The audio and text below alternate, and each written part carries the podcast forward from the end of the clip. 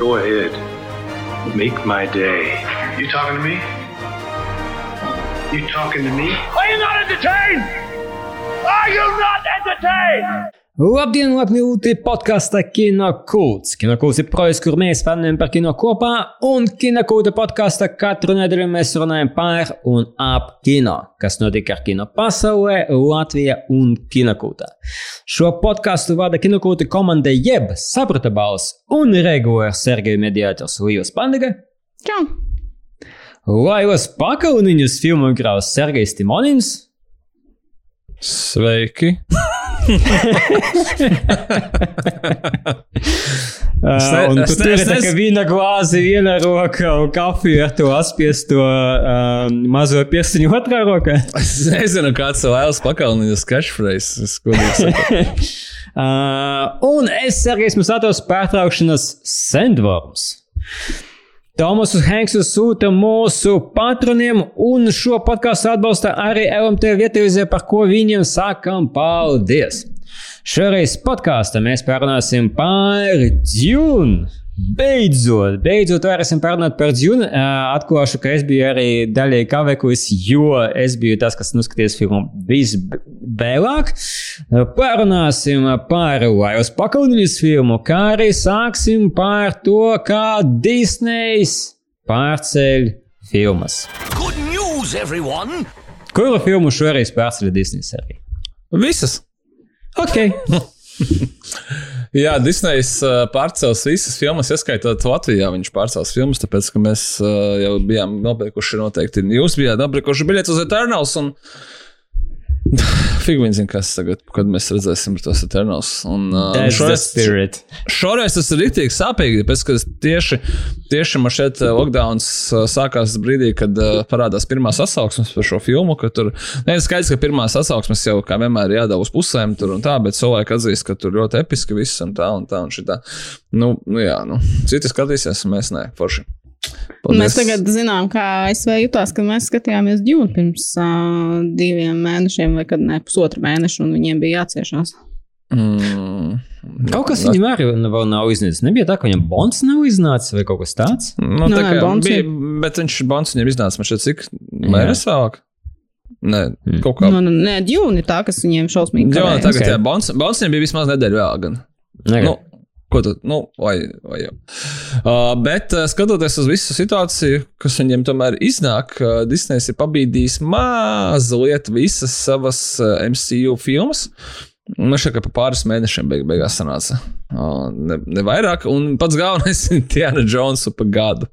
Uz 2023. gada vasaru. Un uh, abā ziņā tāda, ka Harisons Fords ir atgriezies atpakaļ uzņemšanas laukumā pēc skartienes mm -hmm. traumas. Nu, varam likt likmes, cik viņš uh, paliks tur šo, šoreiz līdz nākamajai. Bet tas man vienkārši atgādina kaut kādu tādu lietu, kad. Uh, kad ir kaut kāds kā progress un regress reizē. Tāpēc, ka uh, izstāstīšu kādēļ, kas man liekas, nu, tas nav īsti saistīti, bet no otras puses ir, tāpēc, ka tas viss ir kino. Un, uh, vidēji filmas jau, man liekas, filmē cik tā 30, 60 dienas. Nu, tā, es domāju, tā kā pavisam, pavisam globāli vidējais cipars ir tāds. Latvijā, teiksim, filmas kopš uh, ir uh, digitālās kameras vispārējais, kur, piemēram, mēģis filmē pa 10 dienām, pa 8 dienām. Nu, tā kā, nu jā, Nu, ātrāk viss piemērs, tā jā. teikt.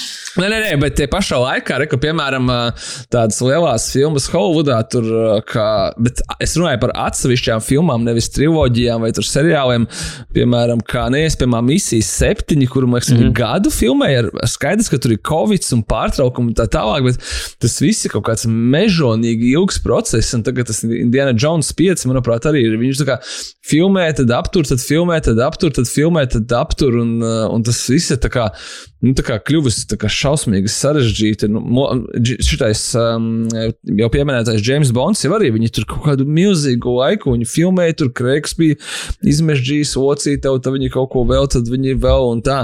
Un, uh, es nezinu, man liekas, ka tas kaut kādu atstāja tomēr iespēju, ka cilvēki tur gadu kaut kur tusē pat uzņemšanas laukumu, tad tas tā kā viss man šeit sāk tā kā šausmīgi tāds slogu kaut kādu uzliek pēc tam tam visam. Mm -hmm. Tā, nu tieši tāpatās, kad, uh, bet tikai no otras puses, ja tu tā kā filmē astoņas dienas, tad skaidrs, ka tas notiek viss ļoti ātri. Nu, lūk, vai kā arī nebūtu, ja Indiana Jones mūs gaida vēl tikai vēl pēc gada, cik tad Harisonam būs 85? Daudz. 92. Nu, nu es tagad smējos, protams, bet es īstenībā gaidu. Es ļoti gribēju Tas redzēt, kas tur, kas tur sanāks. Tā, bet, nu, Kopš uh, trešās daļas pagāja cik gadu, vai ne? Un, un baigi gribētos ieraudzīt jaunas piedzīvojumus. nav tik Kā slikti. mēs nevaram neizmantot to joku katru reizi, kad mēs pieminam. Bet iedomājieties, ka kino kauts piedāvā Indiana Jones and the Kingdom of the Crystal Skull īpašais sens. Kur tu? Jā, mēs vienreiz izspēlējām šo joku. Jā, liekas. kad mēs taisījām, ja kāds nav bijis uz mūsu Indiana Jones sensiem, tad mūsu ģeniālais joks bija tas, ka sākas filma un sākas Indiana Jones and the Kingdom of Crystal Skull filma, un tad tika pāravums, un tad aizgāja Raiders of the Lost Ark.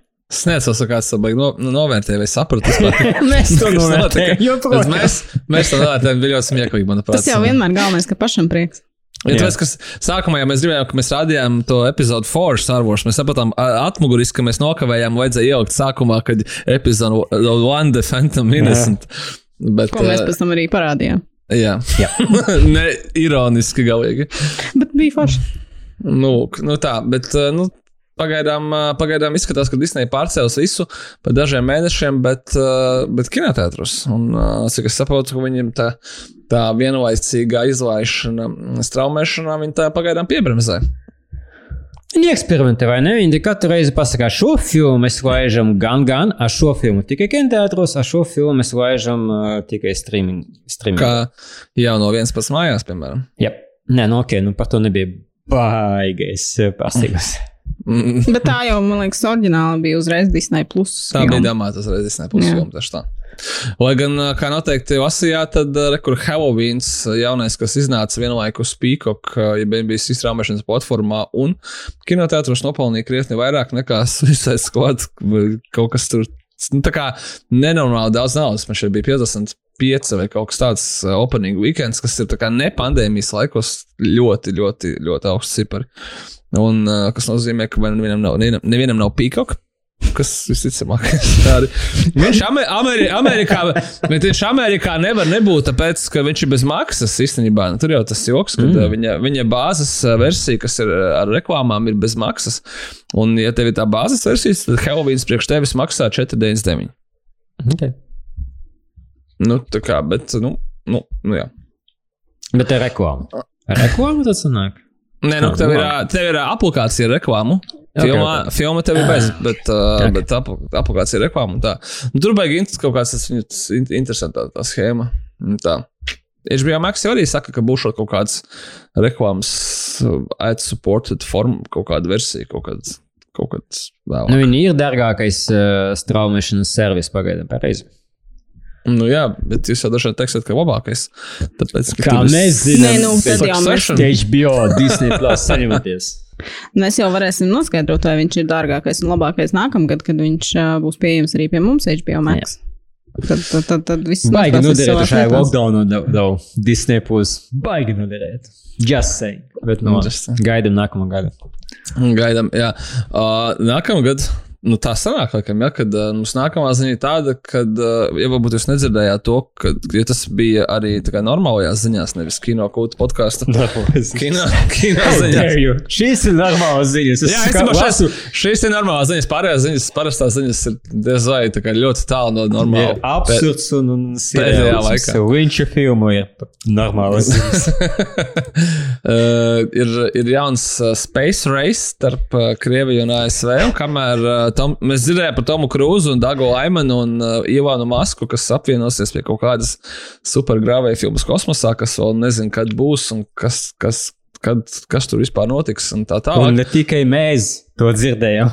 Jā, bet, uh, bet uh, Krievija jau ir uh, palaiduši un jau arī atgriezuši atpakaļ uh, režisoru Klimu Šipenko, kurš ir visu laiku pelnošākās Krievijas filmas Holop. Autors. Kaut kā es skatījos, kad viņš bija Hollywoood reporterā nosaukts, kā tur ir baigi dažādi. Viņi katru reizi sauc pa savam to holopu. Mm -hmm. viņi, viņi, viņi sauc kaut kāds The Man, who worked, vai kaut kādas kaut kāda, kaut kāda baigta muļķība. Nu, skaidrs, ka viņi nevar viņu tiešā tulkojumā iztulkot. Mm -hmm. uh, the slave. bet, bet, uh, bet viņi visu laiku, katru reizi viņu citādākā veidā sasauc. Nu, anyway, skaidrs, ka to filmu neviens neskat, nav nekad redzējis ārpus Krievijas robežām, bet uh, nu, Krievijas robežās viņi ir redzējuši un, un bijuši NVS valstu visi. Man tēvs aizgāja viņu skatīties. Viņš vispār nezina, filmu neiet. Viņš nekad nav bijis nezinu, mūsu sens. Un, un tā viņš, viņš, viņš uh, bija uz, ar ģimeni uz, uz hopu. Es, es, es saprotu, ka tas ir, ir powerful. Un, uh, es biju tad, tikko Berlīnē, un tur nejauši man gadījās paskatīties uh, kanālu RT, kas bija vienīgais kanāls, kas bija angliski, nevis vāciski. uh, un tur savukārt bija The Peasant. The Peasant. Ok. Nu, jā, es, es neesmu pats redzējis, atzīšos godīgi. Gribēju noskatīties, bet kaut kas, kaut kas notika. Es nosties kaut ko citu. Kā vienmēr. Nu, anyway, režisors Klims Šipenko un aktrise Julija Peresilda mm, ir bija devušies deviņu dienu ekspedīcijā uz kosmosu, safilmējuši materiālu un jau ir atgriezušies atpakaļ. Šo projektu producē gan Pirvī kanāla galvenais cilvēks, kā viņas sauc, tagad, tu zini? Konstantins Ernsts. Konstants Sens, tas aizmirsu, kāds, kurš, kurš no visiem Konstantīniem tas bija. Un uh, Krievijas kosmosa aģentūras galvenais cilvēks. Tas ir ļoti nopietns projekts. Filma būs par to, kā kosmosā tiekot veikta neatliekama operācija, tāpēc tas tā kā tas marsietis otrādāk. Nevis viņu atgriež atpakaļ slimnieku no kosmosa, bet viņi aizved, aizvedina vēl vienu cilvēku uz turieni, lai veiktu kaut kādu neatliekamu operāciju. Ko kosmosa eksperti jau pateica, ka tas nav iespējams, tāpēc, ka, ja tev ir. No. Nu, ļo, ja tev paliek ļoti slikti, kosmos, slikti kosmosā, tad tev ir ekstra evakuācija, kas notiek, īstenībā, cik es saprotu, 40 minūšu laikā to dabūt, jebkuru cilvēku ojā. Viņš vienkārši iekāpa kapsulā un tā kā dropship. nu, labi, tas to, to, par to noteikti. Tas ir viens no iemesliem, kāpēc es par to projektu taisu. Es domāju, ka cilvēki runātu par tādām lietām.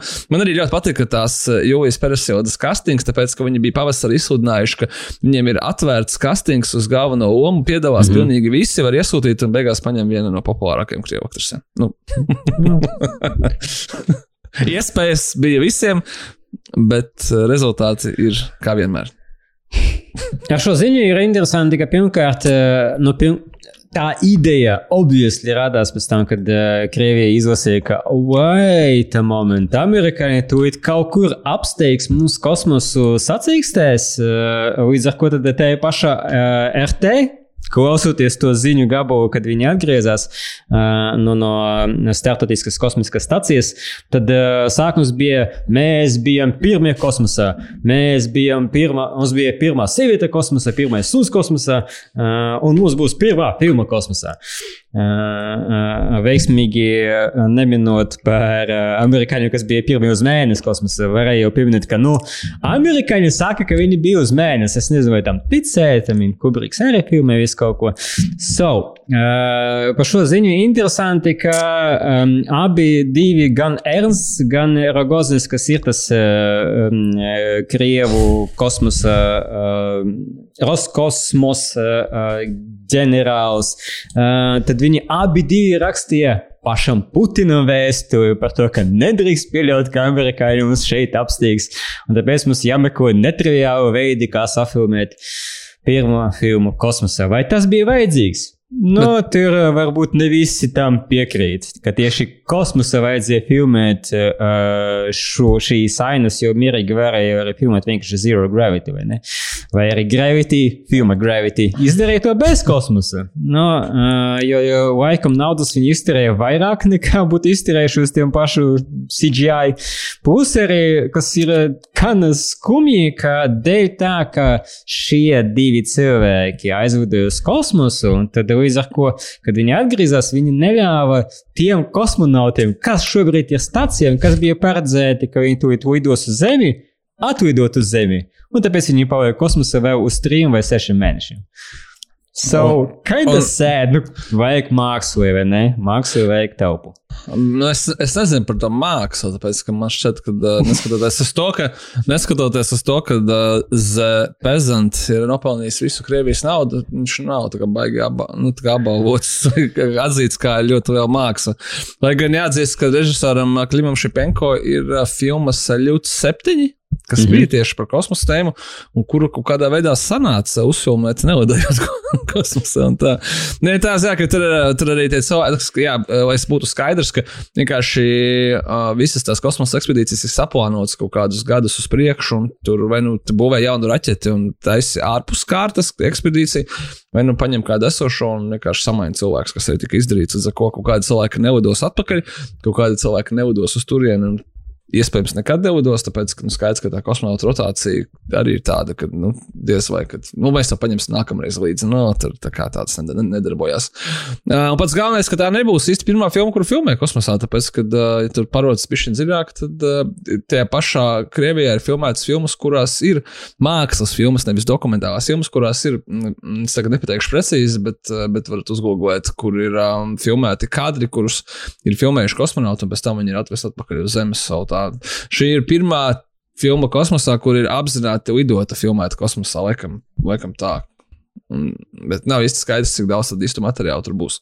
Nē, skaidrs, ka tas noteikti būs tā, ka to filmu noskatīsies.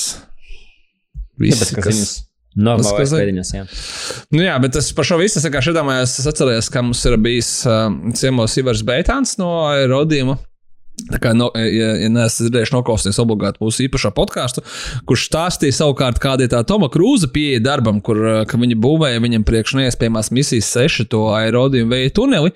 Tad Toms Krūzs apskatījies esošo un tad pajautājis, vai jūs varat uzbūvēt lielāku Un tad viņam teica, nu, mēs varam, varat vēl lielāku, varat uzbūvēt visu lielāko, kāds jau kad ir bijis. So, man ir liels aizdomas, ka Ivanam Maskam draud kaut kāda līdzīga rakstura jautājuma. A, tu vari uzbūvēt vēl lielāku raķeti, A, vari uzbūvēt visu lielāko raķeti, jebkad ever. Ja vienkārši tas ir tas, kā Toms Krusts strādā. Kā, ja, nu, viņš Nē, es, mazliet... es tev piekrītu, bet man liekas, ka atbilde no Ilona Maska būtu, bet es jau uzbūvēju. Reikā viņa stāv. Jo, ja viņš uh, vismaz būs otrais, jā, otrais, kurš lidos kosmosā filmēt filmu, viņš lidos ar vislielāko raķeti. Jā, nu gaidām uh, to, to Krievijas filmu. Droši vien nākamā gada beigās, es domāju, ja, ja viņi ir safilmējuši, tad jau tad tikai tagad jāmontē. Uh, un Toma Krūza, nu gaidām ziņas, kad, kad viņš ķersies klāt. Kad lidos uz kosmosu. Cerams, ka šis būs tas īstais spēriens viņam pa pakaļ, vai tagad uh, viņš pārāk. Nē, nu ziniet, kā ar tiem spērieniem pa pakaļu kosmosā jābūt uzmanīgiem, tāpēc, ka var tad vienkārši aizlidot uh, visu. Vajag noskatīties uh, profilaksē gravity pirms tam. Paņemt uguns dzēšanas aparātu. Nu, jā. no kosmosa nolaidīsimies pat uz Latviju. Tas nekas, kad. Un tad uz bedri. Tikai uz Latviju uz bedri. Vai tu gribēji teikt, ka mēs esam dziļā bedrē? no, tas ir tas agents, mēs pēc tam normāli ziņām. Ja? I mean, tas ir kinoziņas. Mēs esam dziļā bedrē, tāpēc, ka uh, mūsu pašu izplatītā filma Bedre ir tā, kas dosies no Latvijas uz Oskara komisiju, kur viņa iespējams izies nākamo atlases, un tad viņa. Es domāju, nu, tās jā, ka no trim filmām, kas mums ir, mums bija uh, trīs, trīs komi, komisijai, trīs filmas, komisijai Latvijā, kas lēma par to, kura filma brauks uz Oskaru. Nu, tā kā neticēsiet, bet mums arī tā notiek, cilvēki reāli nopietni tam visam ļoti pieiet. Mums ir atlases komisija, ko mēs sūtīsim uz Oskariem, un tur ir trīs filmas, tur ir Laivas Pakauniņas spogulī, mēs vēl parunāsim šodien. Tur ir Dāvis Īmeņa gads pirms kara, kuru laikam neesmu redzējis šeit. Un tur bija bedra, ar šīm trim filmām izvēlējās tieši bedra. Man ir pilnīgi skaidra atbilde, kāpēc. Tāpēc, kad uh, atlases komisijā mm, objekts cilvēki ienīst uh, Laura Zelzīti, un viņa šo te randiņš ar Zelzīti šovu. Tāpēc, ka no trim filmām divās ir Laura Zelzīts, un viņi izvēlējās to filmu, kurā nav Laura Zelzīts. Pie tam, pie tam, uh, lai būtu vēl leģit, Lauris Zelzītis ir nominēts uh, Lielajam Kristapam divās kategorijās šogad. Kā labākais aktieris un kā labākais otrā plāna aktieris. Līdzīgi kā Alans Pačīno 93. gadā par uh, Santa Fe Woman un par Glengarī Glen Ross. So viņš ir, uh, viņš ir latviešu Alans Pačīno un neskatoties uz to. Man patīk tā argumentācija. Nu, kā? Alpašīna bija rekords. So he's Latvian Alpašīna. I mean, nu, nu tā ir kaut kāda. Tā, es, es, es domāju, ka visam ir kaut kāda loģika, un es kā, to redzu šādi. Sure. Lai kā arī nebūtu, tad mēs sūtām bedri pārstāvēt Latviju gaidām, kad. Jāsaka, tā kā, ka mēs sūtām bedri, kuru mēs arī izpūtām. Līdz ar to tā arī mūsu pirmā filma, kuru mēs izpūtām un kurā tiek līdz šai, šādam līmenim. Mm, nē, Nē? mm, nē, filma Away tika pat vēl tālāk. Viņa actually jau bija shortlistota. Nu, filmā Way nebija gan nu, no Latvijas, es domāju, par šo pašu kategoriju. Pareizi viņa bija. Nē, nē, nē, es domāju, ka kategorijām ne, bet es domāju, ka Jā. globāli viņa noteikti jā, tālāk. Tālāk, jo, jo viņa ir tikusi pāri tai at, pirmajai atlases kārtai, un mm -hmm. viņa bija shortlistota, un tur tas Jā. viss apstājas. Es domāju, ka te ir īstais brīdis. Manuprāt, mēs esam par to runājuši iepriekš podkāstā, bet uh, izstiept, šo ziņu parunāt par to, kāpēc nu, mēs arī kā filmas izplatītāji, es beigtu nesacerētos uz to. Es teiktu, ka tā iespēja, ka mēs kaut kur tālāk tiksim, ir viena pret 99 kaut kur tā, nu, tā kā ļoti tā objektīvi. Nu, laikam mazāk, tāpēc, ka mazāk filmu vienkārši tur ir. nu, Mums kā 85 filmas parasti ir uh, izvirzītas. Tā kā viena no 85. c- cik, cik? 85? 85. Man, man neskapēc liekas kaut kas tāds. Cik valsts iesūta savus filmus? Visas pasaules valsts? Ne, bet nē, Nu, nē. kaut tik mums būtu kāds rīks, kā to pārbaudīt un vēlme to izdarīt. Vai tas ir internets? Google? Anyway, Anyway, uh, es vienreiz biju, kad bija atbraucis viens cilvēks no Igaunijas, viens no produ producentiem, uh, te viņu filmai Tangerines, kas gan nav tā Šona Bakera Tangerines, bet uh, Igauņu un uh, Gruzijas kopražojuma filma. Mm -hmm. Viņa bija pirms pāris gadiem. Viņš stāstīja, kā viņi teica, taisīja savu Oskaru kampaņu.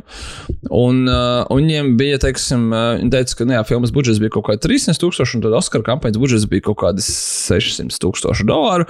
Nu, tīri vienkārši, lai apmaksātu to kaut kādu publicitāti, vai to filmu vispār kāds noskatās un vispār apsver un tā tālāk. Un tas ir labs jautājums, ko viņš teica, ka viņiem bija jāuzdod pašiem sev. Viņi gāja pie Nac Igaunijas Nacionālā kinocentra un teica, ka, wow, iedodiet, lūdzu, mums eh, nu, vēl divreiz lielāku nekā filmas budžets. Naudu, lai mēs viņu parekomētu, un varbūt, varbūt mēs tiktu shortlistē, tāpēc, ka nu, bija kategorija, nu, skaidrs, ka par uzvaru tur es neko nerunāju, un tā. Un, tomēr tas ir milzīgs PRs, publicitāte, un ir jābūt kaut kādam āķim, kaut kādam, kaut kam, kas, kas šausmīgi cilvēks saistīja. Respektīvi, tā, ka tur domāt, ka, uh, ka kāds pavilksies uz to filmu, tāpēc, ka tur ir kaut kāds stāsts, vai mums ir svarīgs. Nu, teiksim, ar dvēseli Putinu daudziem cilvēkiem, manuprāt, arī bija kaut kāda škrobi, kā tad tu tā nepaņēmi uz Oskariem. Nu, tas, tas tā, wow. tas tā, nu, tā, nu, nu, tā jā, kad uh, es, es pat nedomāju par filmas kvalitāti. Tas ir tā, ka mm -hmm. nu, tas ir pilnīgi cita veida darbs, tas ir PR darbs, tas ir, dar, nu, kā, tas ir milzīgas izmaksas. Es domāju, ka tur ir vairāk par to. Kad... Bet no otras puses, un es saku, man, par šo Oskaru man visvairāk uh, patīk uh, Viestura Kairiša režisora citāts, kad uh, es tad domāju, kas viņa bija. Jā, viņa bija Melānijas kronika, kur arī sūtīja ķipu uz Oskariem. Mm -hmm. Tad viņš teica, ka viņš tā baigi arī neko nesar. Bet es aizbraukšu, paskatīties, kā tur ir. nu, bet, nu, tā kā aizbraukt vajadzēs. Tā, nu, es, es, es jau tā, nu, nav, nav, nav tā kā baigi gribās, bet, nu, kas jādara, jādara. Nu, es aizbraukšu uz to Oskaru ceremoniju, paskatīšos, kā tur ir. Tā, nu. Liela skatieksme, tieši, tieši tā. tā, te, tad papildus uh, š- tavai domai. Uh, Atgādināsim, ka, ka, kā jau arī bieži vien atgādinām Os- Oskaru laikā, ka ir vērts palasīt Hollywood Reporter tieši atsauksmes, kā akadēmiķi izvēlas un balso par tām filmām, jo bieži vien viņi balso tīri tādēļ, vai viņi ir dzirdējuši kaut ko par filmu vai nedzirdējuši kaut ko par filmu, un te savukārt tas PRs arī ienāk. Mhm. Ja nu vienmēr viņi vispār redzējuši to filmu. ir. Un Jep. varbūt tur ir kaut kāds pazīstamais, varbūt kaut kas vēl. Un Tā. Uh, bet tas nemaina faktu, ka, uh, ka tā ir laba filma. Noteikti, manuprāt, ļoti pelnīti tiek izvirzīta. Un, uh, ja tagad viņi nekur nevar noskatīties, tad var noskatīties viņa mājās. Es domāju, nekur nevar kinoteātros noskatīties. Uh, slēdziet iekšā savus TET plus pieslēgumus un straumējiet bedri uz nebēdu. Tā ir apmaksāta reklāma no mūsu puses pašiem sev. Tad neapmaksāt. Tad neapmaksāt. Jā. Nu, es ceru, ka skatītājs uzmanīgi, skatīsies- tāpēc, ka, ja tā ir apmaksāta reklāma, mums būs, būs vēl nodokļi jāmaksā. Tāpēc tā ir neapmaksāta. Pro bono reklāma pašiem sev. Tā kā no abās rokas kreisajā pārliekam. jā, jā, sapat, sapat, joks, joks. Tu par uh, naudu vai par par, par visu izņemot to, ka tētā jāskatās ir bedra. Tā kā ja kāds vēlas noskatīties, tad droši skatieties. Un šim plat, šai platformai ir ekskluzīva. Tā kā kādu laiku viņi būs pagaidām tikai tur. Bet uh, iesim tālāk pie interesantām ziņām par saistībā ar uh, gaidīto Džona Vika seriālu. Jeb seriālu, kas notiek Džona Vika pasaulē, uh, kur nebūs Džona Vika un kurš norisināsies 30 gadus pirms Džona Vika notikumiem. Jeb The Continental. Uh, vēl vairāk, tas pat nebūs seriāls. Tas būs trīs va vakaru events kā viņi noformulēja. Jeb uh, trīs vakarus pēc kārtas, 90 minūtes katrā piegājienā. 3 reizes 90 minūtes. Tas kaut kāds BBC formāts, jā, ASV viņš būs kanālā Stars, bet nu, gan jau ka Eiropā viņš būs kaut kur citur, kaut kādā citādā veidā. Man ir pat liels sajūtas uz šo brīdi, ka, ka viņš vispār nebūs pat par trim sērijām. Es neticu kaut kā, ka viņi to tā padarīs, bet varbūt, kad, varbūt, kad, varbūt, kad arī būs.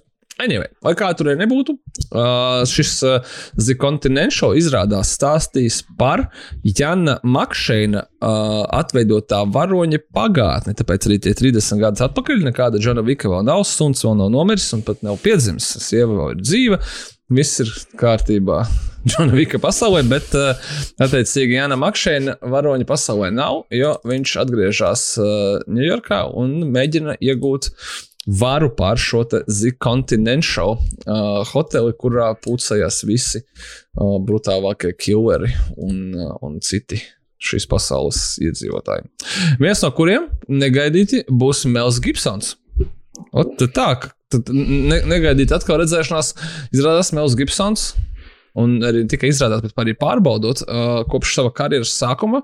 Viņam bija pir pirmā karjeras soma, bija televīzijā. Viņš nekad nav bijis kopš tā laika nevienā televīzijas seriālā vai produktā, kas ir būtu bijis kaut kādā veidā ne, ne kino vai ne lielā ekrāna. Tā kā Mela Gibsona mazā ekrāna debija būs tieši šeit. Viņš gan atveidos kādu pilnīgi jaunu, iepriekš neredzētu varoni, kurš nekad nav bijis Džona Vika filmās. Vai tas ir spoilers? Ok. Visticamāk. nu, kā ir atrasts arī cilvēks, kurš atveidos uh, Jana Makšēna varoni jaunībā. Uh, un, uh, un tas ir uh, neviens cits kā Kovins Vudels, uh, kuru iespējams jūs pamanījāt pēc HBO seriāla The Flight Attendant. Es neskatījos, vai tad es ne, nemācīšu pateikt, ko par šo tie. Kaut kas vēl par Džonu Viku? Nē. Džons Viks bez Džona Vika ir. Oh, nu redzēsim. Interesants veids, kā mums izstiept, izstiept, uh, izstiept uh, to franšīzi tālāk, bet, uh, nu, nezinu, man liekas, ka tas. Nu, es... Varēja stiept bez Mela Gibsona. Nu, Varēja stiept bez Mela Gibsona. Oh, well, nu, vismaz varēs pārdot viņu Tā pašā autorija, kur ir Žerārs Butlers un Jasons Stathams savā cīņā, nu, kam arī patiesībā domāts tas viss, ja jau, ja jau tur nebūs Keanu Reeves. Tad, ne. Es nezinu, es, man liekas, ka tas kontinentāls strādā, ideja fi filmās strādā labi, bet vai viņi strādā pati mm -hmm. par sevi, tas atgādina kā kaut kāds, nu, viss, kas ir mēģināts realizēt kaut ko bez galvenā varoņa un bez uh, kaut kādiem citiem elementiem, bet, nu, redzēsim, redzēsim. Iepriekš mēs minējām par. Naita Šamalana jauno filmu un to, ka tagad mēs zinām viņai nosaukumu iznākšanas datumu. Pirms. Naita Šamalans filmēs savu jauno filmu, viņš paspējas paviesoties nekur citur kā Berlīnes kinofestivālā nākamā gada februārī. Tā kā ja kāds no Latvijas plāno braukt, nezinu, kad ļoti daudz īstenībā parasti brauc uz turieni, tad uh, ir iespēja satikt Šjamalanu un kaut kā veiksmīgi pajokot, piemēram, pasakot viņam, what a twist vai. vai, vai... Cik reizes šito dzirdēju, es bērnu Es domāju, par katru, es domāju, par katru no viņa filmām var pajokot. Es, es nevarēju atrast kaut kādu panu par Lady in the Water. bet tas ir pārāk, pārāk tāds garš nosaukums. Bet es uh, kinokūta čāta ļoti novērtēju visus panus. Ja, nu jā, tur, tur sanāk par katru gandrīz vai viņam. Es domāju, ka viņš ir dzirdējis arī festivālā, un es domāju, ka viņš varbūt pats kādu no viņiem pateiks, tāpēc, ka skaidrs, ka vislabākā aizsardzība vienmēr ir uzbrukums. Vienkārši pats pasakā tos visus panus un tā. Bet tā ir ļoti negaidīta un uh, kaut kādā ziņā saudabīga izvēle priekš Berlīnas kinofestivāla, kurš gan vienmēr ir bijis tāds baigi mākslinieks, kas, manuprāt, uh, bet viņam gan nomainījās pirms diviem vai pirms trim gadiem visa tā vadība kas mēģina padarīt to festivālu mazliet populārāku. Nu, no otras puses, mēs tur skatījāmies, uh, skatījāmies Loganu un satikām Hugh Jackmanu. Tā kā nemaz tik ļoti arhausīgs viņš arī palielām nav. Nu, jā, tur. mēs skatījāmies, jā, bet nebija gluži tā, ka mēs, uh, ka kā žūrijas vadītājs. uh, Hugh Ja- bija Hugh tik, Jackmans. jā, jā, jā. Varēja būt, bet uh, kurā gadījumā Šamāns ļoti priecīgs par šo sev, sev piešķirto godu. Labprāt, Jā. es apmeklēju Eiropu. Tu Es domāji, ka viņš ka- kaut ko citu teiks? Jā.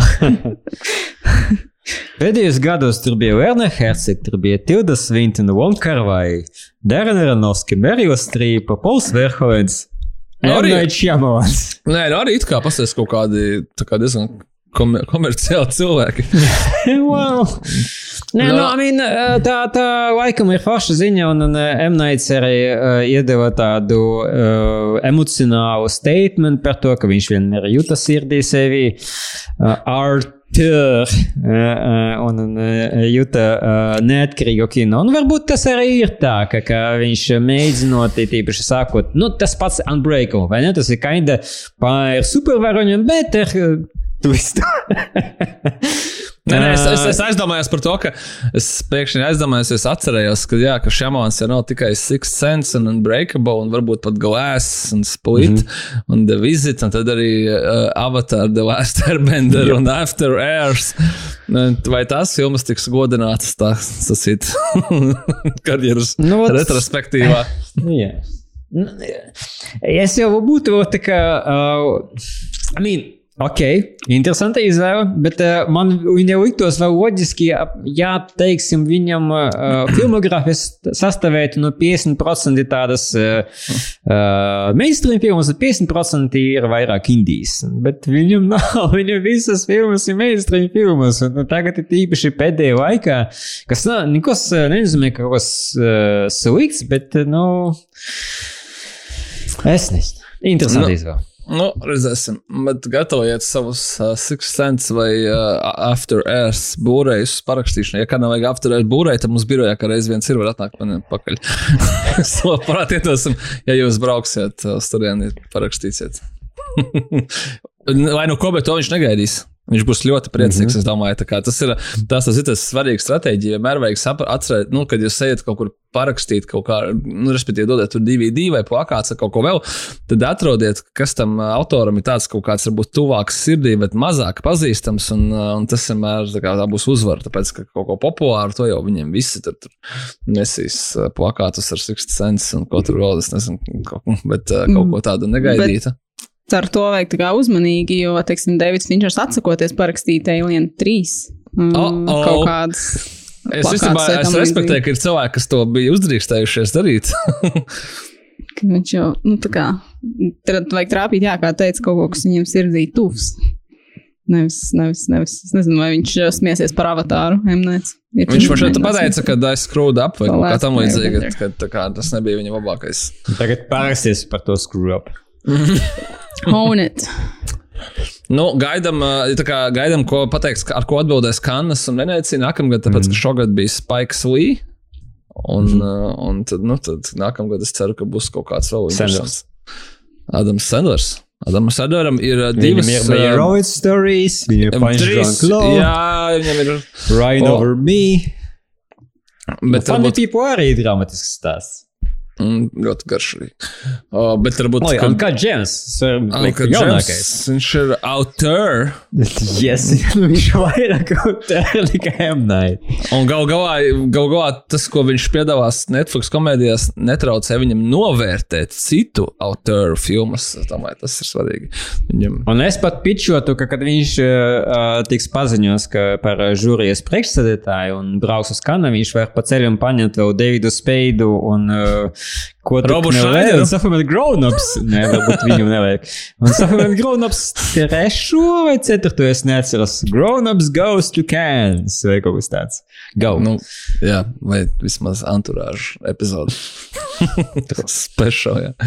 Kas mums jāns? Mums ir uh, Lee Curtis uh, apvienojās ar, uh, ar Ryanu Murphyju, producentu, kurš mums pazīstams pēc American Horror Story, vai Glee, vai Houston, vai Ratchet, vai daudzām citām, mm, daudziem citiem Netflix jau iznākušiem un vēl neiznākušiem seriāliem.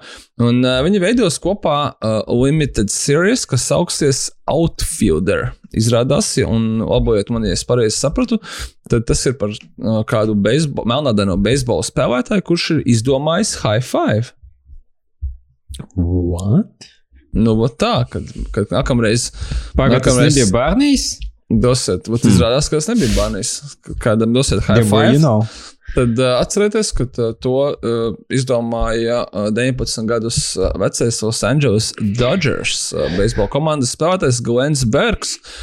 Di- 1977. gada 2. oktobrī. Nu, mēs, Nu, es saprotu, ka tas ne tik daudz, ka viņš izdomāja high five, bet ka tas ir pirmais uh, high five, kas bija ierakstā, ierakstīts, un ka tas notika tādā ziņā. Nevis, ka Es- viņš pirmais uh, uz pasaules izdomāja šo žestu. Sergejs operē ar clickbait uh, headlines. Jā. Jā, ok, ok. Man, jā. gan Sergejs tās Jo, labāk tikai- patīk. Jo es vienkārši es tā kā, nu, kā, kā, kā tu varētu pierādīt, ka šis bija pirmais un vienīgais. Tāpēc, ka ierakstīts. Nē, nu, nu, tā kā, jā, ja Parādi, tas nav. parādi man ieraksts iepriekšējiem. Nu, nav, tad viss kārtībā. tad Ja es to nevaru redzēt, didn't happen. Tā jau ir. Nu, lūk, interesanti, interesanti jā, ka uh, gan producents, gan Ryan Murphys kaut ko tādu arī varētu sagaidīt, bet, uh, bet Jamie Lee Curtis. no Mērfija var visu sagaidīt. Nu, tas gan Jamie Lee Curtis, esot izrādās šo pirms kaut kāda jau ilga laika iegādājusies tiesības uz šo stāstu un gaidījusi, kad būs īstais brīdis, kurš beidzot ir arī pienācis. Uh, Uz tam laikam var paspēt noskatīties ESPN 30 for 30 dokumentāru, dokumentālo īsfilmu, arī, kas saucās tieši tā The High Five. Un par šo varbūt iedvesmoties uh, seriālam, kurš laikam būs tas pats tikai garāk. Interesanti. Viņi tikai katrā sērijā dos high five vai tikai sezonas beigas kulminācija. Tas būs tas lielais, tas tā kā the big moment. Sākumā, vai ne viņi parādīs sākumā, bet tad viss tā kā, tā kā parādīs kā flashbackus, kā, kā mēs nonācām līdz tam high five. Mm -hmm. Tas būs. Nu, Nu, tur jau tas stāsts ne tikai par to high five, es saprotu. Jā, viņam ir tas, kā, tas first recorded high five, bet, bet tas pats tas, tas spēlētājs, uh, ka nu, es tagad lasu, ka viņš esot bijis kā pirmais tas Major League Baseball spēlētājs to come out as gay to his teammates and team owners. Un tad first to acknowledge it. Un tad, nu, gan jau, ka par to tad arī tas stāsts būs. Mm. Man labāk patīk, ja viņš būtu pa high five. Nu, nu, tā kā, tas arī, man liekas, nu, tikai vienīgi high five. Uh, tad, tad, tad, jā, nē, nu, bet kā Mērfijam, jau viņš daudz šādu stāstu stāsta. Viņam arī tas mm. pose ir un, un vēl citi uh, seriāli, kas, kas ļoti daudz par šām, šīm tēmām runā, tā ka tā, tā viņa iesaista tur arī kļūst ar vien skaidrāka.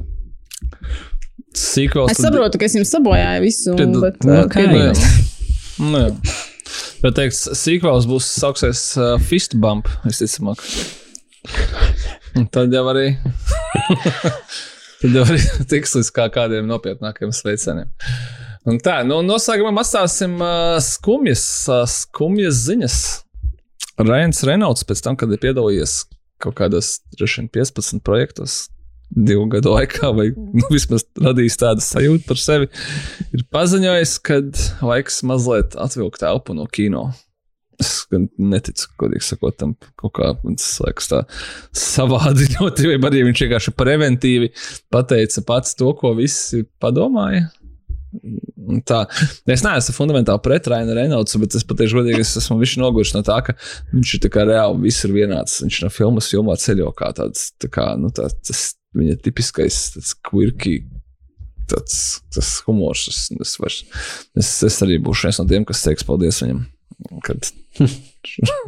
Nu, puses, zini, kā, viņam, viņam bija kā- kāds periods, nu, tajos gados beigās, kur viņš mēģināja. Tur viņam bija Chaos Theory un The Nines un vēl kāda trešā filma. Un tas visas filmas bija tādas. Eh. Un vai, Nu- viņš paņēma lapu no Sandra grāmatas un teica, no, ok, tas filmēšu to, ko jūs gribat redzēt. Frīgai nopelnīt cik. De Deadpool, palām, kas ir. Yep. Nu, jā, nu, ka tās, jā, kad Deadpools ir Rēns Reynolds un, un tas viņa tēls, kurš ir. Citās filmās arī tas skaitā frīgai kaut kādā brīdī, vai arī vismaz nu, nu, noteikti ļoti, ļoti līdzīgs. Tad tas, tas, ko skatītāji grib redzēt no viņas, šaubos, kad viņi grib nopietni, nu, viņi kaut ko beigt tādu nopietnu. Varbūt, Nu. ka viņš atgriezīsies un parādīs savu. Vot redz, varbūt viņš uztaisīs uh, Reynolds Sanesans, vai kā tu tagad uztaisīt. Viņš Bet arī nu, noklausījās um, Makonaheja grāmatu un saprata, mm -hmm. ka viņš pats uh, nevis tā kā ļaus tam notikties, bet viņš pats to uztaisīs. Nā, Nu, man, jā. viņš bija frīgai arī producents, savu uh, gluži tā, ka vajag strādāt naudas dēļ, tas nav viņa case. So varētu arī paņemt kaut kādas uh, tiešām um, izaicinošākas lomas. Nu, viņam ir tas, kas ir džins, uh, un viņam līdzīgi kā Joprojām? Jā, viņam ir futbola komanda kopā ar šo čauli no Salvijas Sunīna Filadelfijā. Jā. Un gan jau arī vēl citi biznesi, par kuriem mēs nezinām, kas tā kā akšoji nes naudu. Tas ir PR biznesi. Un tā kā es domāju, ka, eh, nu, protams, ka Reynoldsam viss būs labi, bet eh, nu, mēs nesagaidīsim tuvākajā laikā Hitmans. Hitman's Wife's Brothers bodyguard. Uh -huh. Deadpool 3 un, un Pokemon 2. Deadpool 3 kā reizes šeit skatīt, kā būšot. Paspēšot, jā? Nē, man liekas, ka viņš saka, ka viņš tagad atpūtīsies nu, nākamos mēnešus, divus, trīs, un tad atgriezīsies pie darba. Tas ir tas, ir tas bet kaut uz trim mēnešiem, ok. Viņš neminēja, bet es minu, ka tas nebūs īsti tā kā, tik garš, kā varbūt tas tiek pasniegts dramatiski. Varbūt drīzāk tik garš kā Soderbergam sabētiku, un kur viņš tā kā filmē pēc tam divas filmas Gadā. dienā or something. Dienā. Mums ir pāris sadalīta plugs, bet mums nav ko īsti plagot, vai ne? Tāpēc, ka mums bija saplānot veseli, vesels vairums ar pasākumiem, kurus jūs laikam dzirdējat no iepriekšējā podkāsta, bet, nu, kā jūs zinat, ja jūs lasat normālas ziņas, tad visu nāksies atcelt, pārcelt, līdz ar ko mēs arī paši nezinām, uz kurieni. Mēs zinām, ka V4 Vendetta aizgāja uz februāri. No, Mēs es zinām, ka mēs ļoti gaidām Eternals. jā, un uh, Akira arī droši vien, ja tas nākamo gadu uzreiz tur, laikam, nav ko beigt daudz čakarēties. Ļoti cerētu, ka mums eh, ir uh, sēnes, kuru mēs jau vienreiz pārcēlām, tas ir Die Hard. Un ka mēs šoreiz tomēr Ziemassvētku viņu jau parādīsim. Nu, tad redzēsim, vai mēs būsim labi bērni vai nopelnītu Die Hard Ziemassvētkos, vai arī mums būs cool. Kas? Bet eh, cool. Uh, ogos? Pie mums Ogles. žagarus nes. Žagaras, sorry. žagaras sašķis, jā. Tas ir Ā, amerikāņiem. bet, varbūt ogles. ir īsts laiks ā, atbalstīt kinokūtu Patreonu, kļūt par kinokūta kluba patronu. Īsts laiks kā vēl nekad. Ā, Un atgādināsim, ka, ka patroniem mums ir iekšējais čats, kur ā, ir aktīvas diskusijas un bieži vien ziņas parādās ā, visātrāk gan par kinokūta sēnciem, gan arī par visu kaut ko citu. Patroni saņem katru nedēļu ziņu uh, newsletter, jeb ziņnesi. Nu, un tik līdz mums uh, būtu iespēja rīkot sēnesus, tik līdz mums būtu iespēja rīkot viktorīnas, tad mēs arī parasti teiksim, abonementu uz viktorīnām un uh, visādas citus fiškas un uh, benefitus priekš mūsu patroniem. Tā kā, ja jums pašiem tas finansiāli vērtī, tad uh, lūgums atbalstīt ne tikai šo podkāstu, bet vispār kinokūtu projektu kopumā. Aiziet uz kinokūts.clv slash patreon. Yeah, well, you know, that's just like uh, your opinion, man. Nu, un ko tad mēs esam noskatījušies? Tad beidzot, beidzot mēs varam uh, parunāt par filmu Dune, jeb Dune pirmo daļu no režisora Denis Villeneuve. Uh, Jāsaka, ka es knapi paspēju noskatīties filmu Aizsensā. Un eh, ļoti priecīgs par to, jo bija absolūti vērts. Un es nevaru sagaidīt, kad es varēšu laikam noskatīties to vēlreiz. Cerams, arī uz lielu ekrāna, kad nu, tas būs iespējams. Nu, par ko tad ir Dune?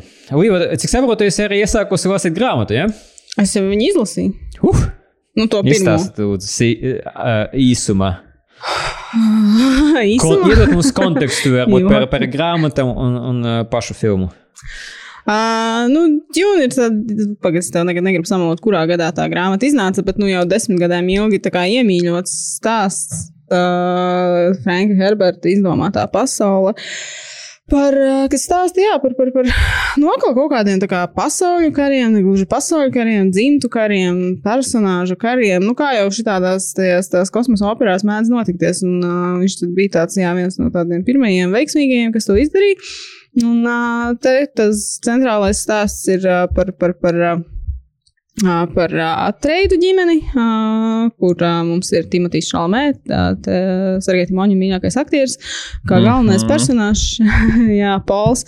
Un viņa familijai būtībā tiek uzticēts pārņemt vadību pār citu planētu, pār, pār šo mm, Dune planētu, pār, pār Arakisu. Uh, kur plosās A vietējie lokālie iedzīvotāji, kas tur tūkstošos ir iemācījušies dzīvoties, milzīgi smilšu tārpi, un arī tad vēl ļaunie citu dzimtu pārstāvji, kuriem, protams, gribas pārņemt kontroli pār šo planētu atpakaļ savās rokās, jo uz šīs planētas viņi var, nu, tā kā, kā derīgais izraktenis, tur tā lieta, kas visus interesē ir uh, spice.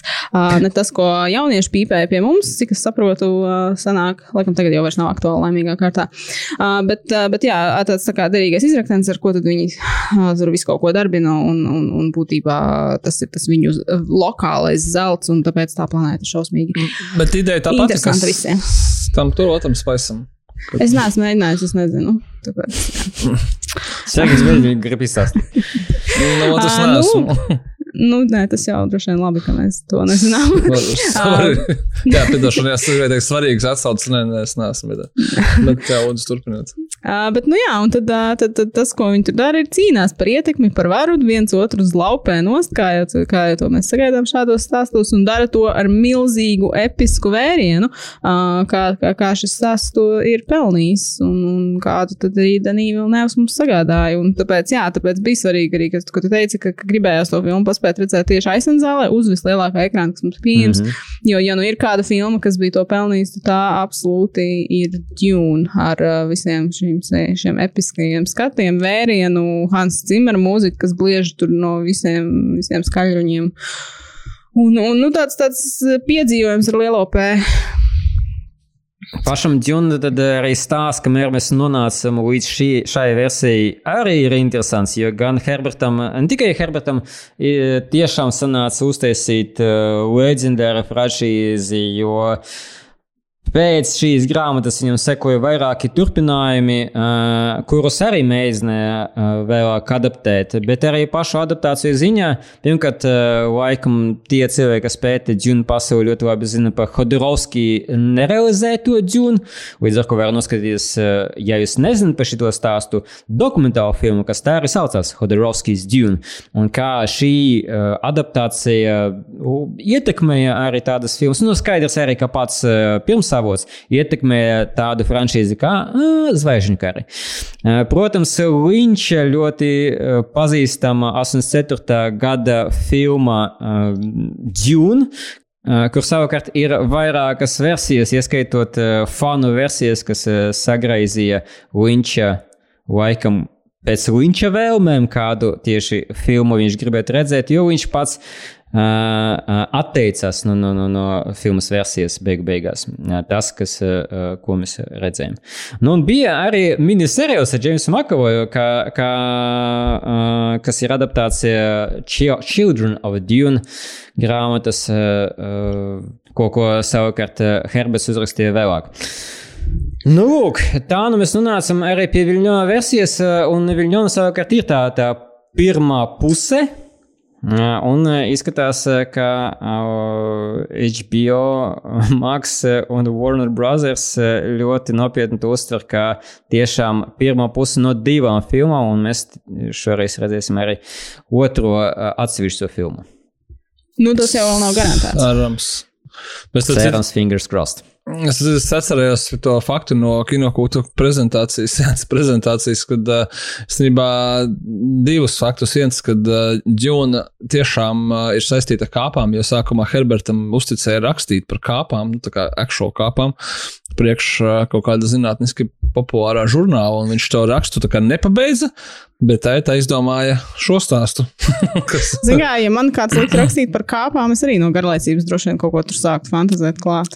Jā, Tas kas tā kā jādara, piedodiet jādara. kāpu entuziasti, ja kāds klausās, bet tas neklausās viss tā kā Un, uh, nu, un, jā, bet tas tieši runāja par to, ka, kāpēc, nu, ka vajag kaut ko interesantāku, tad Herberts tajā jaunībā, kurā viņš arī šo visu izdomāja, viņš actually bija brīvdomātais un viņš audzēja sēnes. Netiek precizēts kādas, bet var sameklēt. Un tie nebija šampiņoni, visticamākais. Uh, un uh, es domāju, ka tā, kā, tā saistība ar to spaisu, ko jaunieši pīpē, kaut kādā ziņā ir tomēr vairāk nekā mēs gribam domāt. Jo, nu, nu jā. Bet tas ir Būtu pierādījis, jā. interesanti, vai spaiss, ko pīpēja jaunieši pīpēja, ir iedvesmots no spaiss no bet ir. Herberta. Bet tas ir, ir. jā? Nē, nu- tieši tas Nē. nosaukums. Tas nosaukums ir tipa, ironiski paņemts kā spaiss. Okay. Nu, jo viņi jau tajā nu, grāmatā filmā arī apdalbās no tā kā, Mhm. nu, tur jau ir kopīgs šis tas. Kā tad jums filmā patika? Es saprotu, ka mēs esam diezgan vienprātis par uh, to, vai Viļņovam izdevās adaptēt šo darbu. Nu, es teiktu, ka noteikti, jā. Nu, tu jau minēji, protams, tā ir, ā, nu, laikam, drusku vairāk nekā puse no grāmatas, bet, nu, rastīt, tā nav visa grāmata, tā ka viņam noteikti vēl ir ko stāstīt un tur ir kur izpausties, bet, nu, tas sākums viņam izdevās ļoti, ļoti pārliecinoši, gan kā pati filma pati par sevi, gan arī kā grāmatas ekranizācija. Mums bija atsevišķs podkāsts par grāmatu ekranizācijām, un Džuna būtu kā labais piemērs, ko tur varētu arī likt klāt, mm. jo Tā Herberta grāmata viņa ļoti interesanta. Es viņu īstenībā diezgan ātri izlasīju, par spīti tam, ka viņa bija, es nezinu, cik tur 800 lapas vai kaut kas tāds. Nu, vismaz tas izdevums, kas man ir, bet nu, viņa ir gara grāmata. Teiksim, tur tā nākamā, kas jau ir Dune Messiah, bija no 300 lapas. Tas Oh, oh. tās, jā, nu, tas tās tālākās man tagad nav spēka tur ņemt uh, un lasīt, bet uh, viņa lasījās labi, bet nu, tur tomēr tā. tā Tas apjoms ir pamatīgs. Uh, un, un, un, man liekas, Vilnius, viņš tā ļoti jēdzīgi ir nu, izmetis to lieko, nu, no ko var izmest, jo tur kaut kādas tur politiskās intrigas, viņas ir uh, interesantas, uh, labi lasīšanas tādā formātā.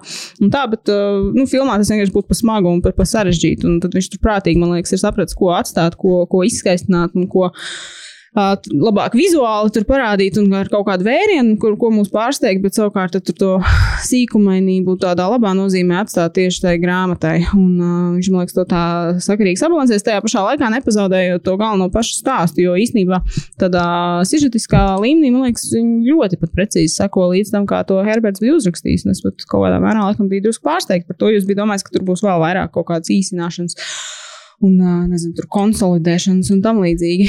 Bet, bet jā, tas viss tā kaut kā ļoti veiksmīgi, man liekas, bija salicies kopā. Un es saku, es jau minēju, tas, ka tur tas nu, nenormālais vēriens, ka tā, nu, tur, tur, tur, tur tāds, nu, tur ir go big or go home. Tur nav citu variantu, man liekas, tu, tu, ja tu ņem šādu stāstu ekranizē, un tad uh, viņš ir arī to izdarījis. Un tie milzīgie tārpi, ka tur uh, parādās, tad ir tāds, oh, jā. uh, un, un, un, Un, un, te, nu, jā, tāpēc būtu baigi, baigi, baigi žēl, ja mēs to otro daļu tā arī neredzētu, jo tur uh, potenciāls ir vēl visādām interesantām lietām. Uh, tā kā es biju ļoti, ļoti patīkami. Nu, es pat nevaru teikt, ka es biju patīkami pārsteigta, jo es gaidīju, ka būs labi. Uh, bet tad uh, drīzāk jāsaka, laikam, ka vienkārši visas tās cerības bija attaisnotas un attaisnotas ar uzviju. Jo tā filma arī nav arī īsa filma. Es tagad nepateikšu, cik precīzi viņa bija gara, kaut kāda divas stundas un cik tur kas tur. Jā, nu, tad es tur ir diezgan ko pasēdēt un paskatīties, bet tu nejūti to garumu. Es zinu, ka mēs pēdējā laikā esam drausmīgi daudz čīkstējuši par to, ka ir tās drausmīgi garās filmas, un tāpēc mēs, teiksim, par Venomu divi priecājāmies, ka, ka viņš bija tikai pusotru stundu. Nu, um, bet, Kurš tā- priecājās, kurš nē, bet tas jau Nē, nu, jā. tā, jā, bet. Uh, Jā, bet tad, tad tie garumi filmu jau vienmēr ir kaut kādā mērā relatīvi, jo tā kā tu vari skatīties uh, pusotru stundīgu filmu, un viņi liksies kā piecas stundas, un tad reizēm ir tāds kā dūna, kas ir, ir garāks, objektīvi skatoties uz to skaitli, bet, bet tu nejūti to, to garumu. Tu varētu sēdēt un skatīties viņu kaut uzreiz to otro daļu. Un, un, un jo viņš pilnībā iesūdz tevi tajā pasaulē, apber tevi ar tādām smiltīm gandrīz, tu esi tur līdz kaklam ieraksts, un tu tur arī laimīgs skaties uz to visu.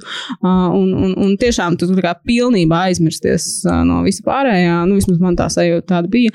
Un, un, un, un drusku tāds iznāca no tās filmas, pēc tam tāds apdūlis, tad uz spaisu varbūt sapīpējies klusībā tur kāds. Bet, bet nu, tas efekts ir tāds, tāds iespaidīgs un vērienīgs, un tāds, kādu tā grāmata tiešām, tad, man liekas, arī pelnījusi.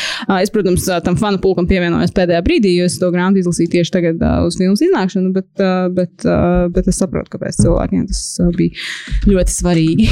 Un, un, un, un, jā, man noteikti patika tas, ko es vēlos pateikt ar to visu.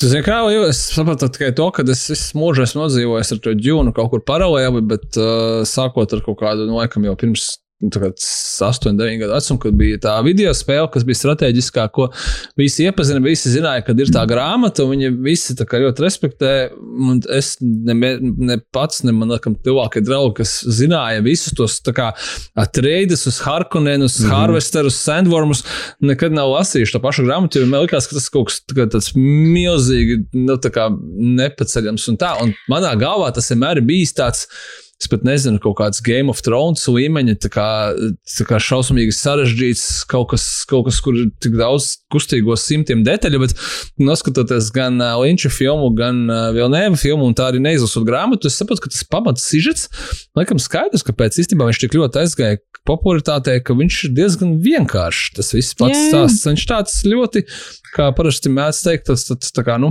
nezinu, tas varoņa, varoņa izcelsmes stāsts ir visklasiskākajā nozīmē. Skaidrs, ka tur ļoti daudz detaļu un pasaules uzbūve un tā, bet pats stāsts tāds uh, labā nozīmē vienkārši, bet viņš noteikti nav tik sarežģīts, kā es kāpēc man likās, ka viņš ir. Nē, nē, nē, viņš jau savā pašā pamatā, tas tu arī teici, teiksim, viņš arī tos pašus, teiksim, zvaigžņu karus ir iespaidojis un kaut kādu tur ietekmi atstājis. Tur, ja tu tā kā tā pavisam noreducētu uz visvienkāršāko kaut kādu to stāstu versiju, viņš ir, tur nekas tāds nav. Viņš viņu ir apkarinājis ar ļoti daudzām tām detaļām, jā, viņš ir sabūvējis tās pasaules un visu tur to, to, to, to valodu, kā viņi tur runā, īpaši šos tur izteicienus un tam līdzīgi. Un, teiksim, kad es lasīju to grāmatu, es, teiksim, es, sapra, es, te, es neuztraucos, ka es kaut kādus tur terminus nesaprotu vai kaut ko tā grāmatā aizmugurē bija arī glosārijas, ja nu gribējās uzreiz visu kaut ko sameklēt. Uh, bet es sapratu, ka nē, ka, nu, ka es tā nemaz nedrīkst. Vienkārši to lasīšu, un tad laika gaitā, ja tas vārds man ir svarīgs, uh, tad es viņu kontekstu noteikti kaut kādā brīdī sapratīšu. Viņš tā ļoti vienkārši meistarīgi to, to, to kā tu teici, pasauli uzbūvējis un apkarinājis uh -huh. ar tām visām tām, tām detaļām un, un, un pričendāļiem. Un, uh, tad, jā, nu, jautājums, kā to pārnes uz lielā ekrāna, uh, kaut kā joprojām saglabājot gan to, gan to nosacīto vienkāršību, sižetiskā ziņā, gan arī tomēr saglabājot tos visus tos prikolus, kas liek cilvēkiem tomēr nu, tik ļoti pieķerties tieši šim stāstam. Uh, un, un tāpēc es saku, jā, man liekas, Vilnēvs to, to, to ļoti veiksmīgi izdarīja. Uh, par to, ka tu nebija lasījis to grāmatu, uh, mēs, man liekas, tie, kā, jā, ka mēs noskaidrojam, ka viņa nemaz latviski nav izdota. Uh, tā izskatās, ka, ka, ka kāpa nav tulkota uz latviešu valodu. Tā ka, nu, ja jūs bijāt jaunieši mazi, tad diez vai jūs būtu uzreiz ķēršies pie, pie 800 lapu episodu angliski. Jo krieviski, godīgi sakot, ka. Jā, nu, krieviski ir, varbūt gan jau, jā, jā, es, bija, bet. Uh... Es visu bērnību, visu, visas šādas tos fantastikas un Stevens Kingus visu izlasīju krieviski, tā kā tur man, it's cool. Nu, jā. nu, man savukārt arī līdzīgi, ka Sergejam Džuna vienmēr bija paroja. Es atceros, ka vecākiem bija grāmata Džuna Misāja. Uh, bet uh, kaut kā pieķerties klāt īsti tā nav sanācis, jo ir līdzīga sajūta, ka, ka tā pasaule pārāk komplicēta. Uh, Nu, nu, tā ir un tā nav. Tāpēc, ka, kā jau paši sakat, ja mēs eh, gribam tur pārākt un sameklēt detaļas, tad tās tur ir. Bet, ja mēs gribam koncentrēties uz eh, pamata stāstu, tad eh, viņš ir gana skaidrs. Mhm. Mm, tas, kas šeit ir labi un nav labi, ir Denīviļa novai tīpaši pēdējo filmu kaut kāda atsvešinātība. Ja to es pamanīju arī, teiksim, pie Blade Runner, ka tā ir ļoti interesanta, skaista pasaule. Mm, Uh, bet uh, mēs vairāk skatāmies, vērojam to pasauli, un mazāk varbūt uh, iedziļināmies pašos personāžus. Un, un tas ir gan plus, gan mīnus, un varbūt, teiksim, arī Blade Runam kaut kāda ziņa tas arī varētu piestāvēt. Uh, un arī šeit es uh, neatceros, kuras tieši izlasīju, bet man patika citāts, ka filma ir a lot of world building, not a lot of world living. Uh, un, un man bija drusku tāda sajūta, ka tas ir ļoti iespaidīga pasaule, kuru Viļņovs ir uzbūvējis kopā ar scenāristiem un radošo komandu. Bet, un skata, protams, balstoties uz Herberta uh, grāmatas, uh, bet konkrēti, varbūt, uh, es pat nezinu, man viena brīdi sajūta bija, ka es labprāt noskatītos tāda tipa seriālu kā Game of Thrones, jo tur liekas, uh, tik daudz intrigu, kuru vēl varētu uh, ieskicēt uh, gan personāžās, gan tās familijās un viņu konfliktos. Mm, tāpēc es, es pat neteiktos no, no varbūt turpinājuma seriāla veida, ko viņi arī sola, ka būs, uh, kā viens no spin-offiem pār um, tagad izkrita no galvas, varbūt jau var paudzēt māsu to klānu. Es tagad uh -huh. ierasu, kā viņu kā viņu pareizi sauc. Es negribu samaloties par izrunu un visu pārējo. Mm -hmm. Tur tie, tie, tie, termini viņiem. Oh. bet, bet jā, nu, tur ir tas, tas, tas uh, noslēpumais no māzu orderis. Mm -hmm. Un tad, tad, tad jā, par to viņi it kā gribēja to seriālu taisīt. Viļņovs pats eh, kino, kinoteātrim, kinomehānismam sūtīja, kā vajag uzlikt eh, viņa skaņu, drusku, cik saprotam, skaļāk nekā ieras, un tas ir ļoti manāls filmai, tieši skatoties. Aizsens eh, skaņa izgāja caur tevi, kā tās smiltis kāpās. Un, protams, kombinēt to ar iespaidīgo vizuālu tēlu Uh, un ņemot vērā to, cik uh, nopietnāka filma ne tikai izskatās, bet uh, faktiski ir pēc visām politiskām uh, niansēm.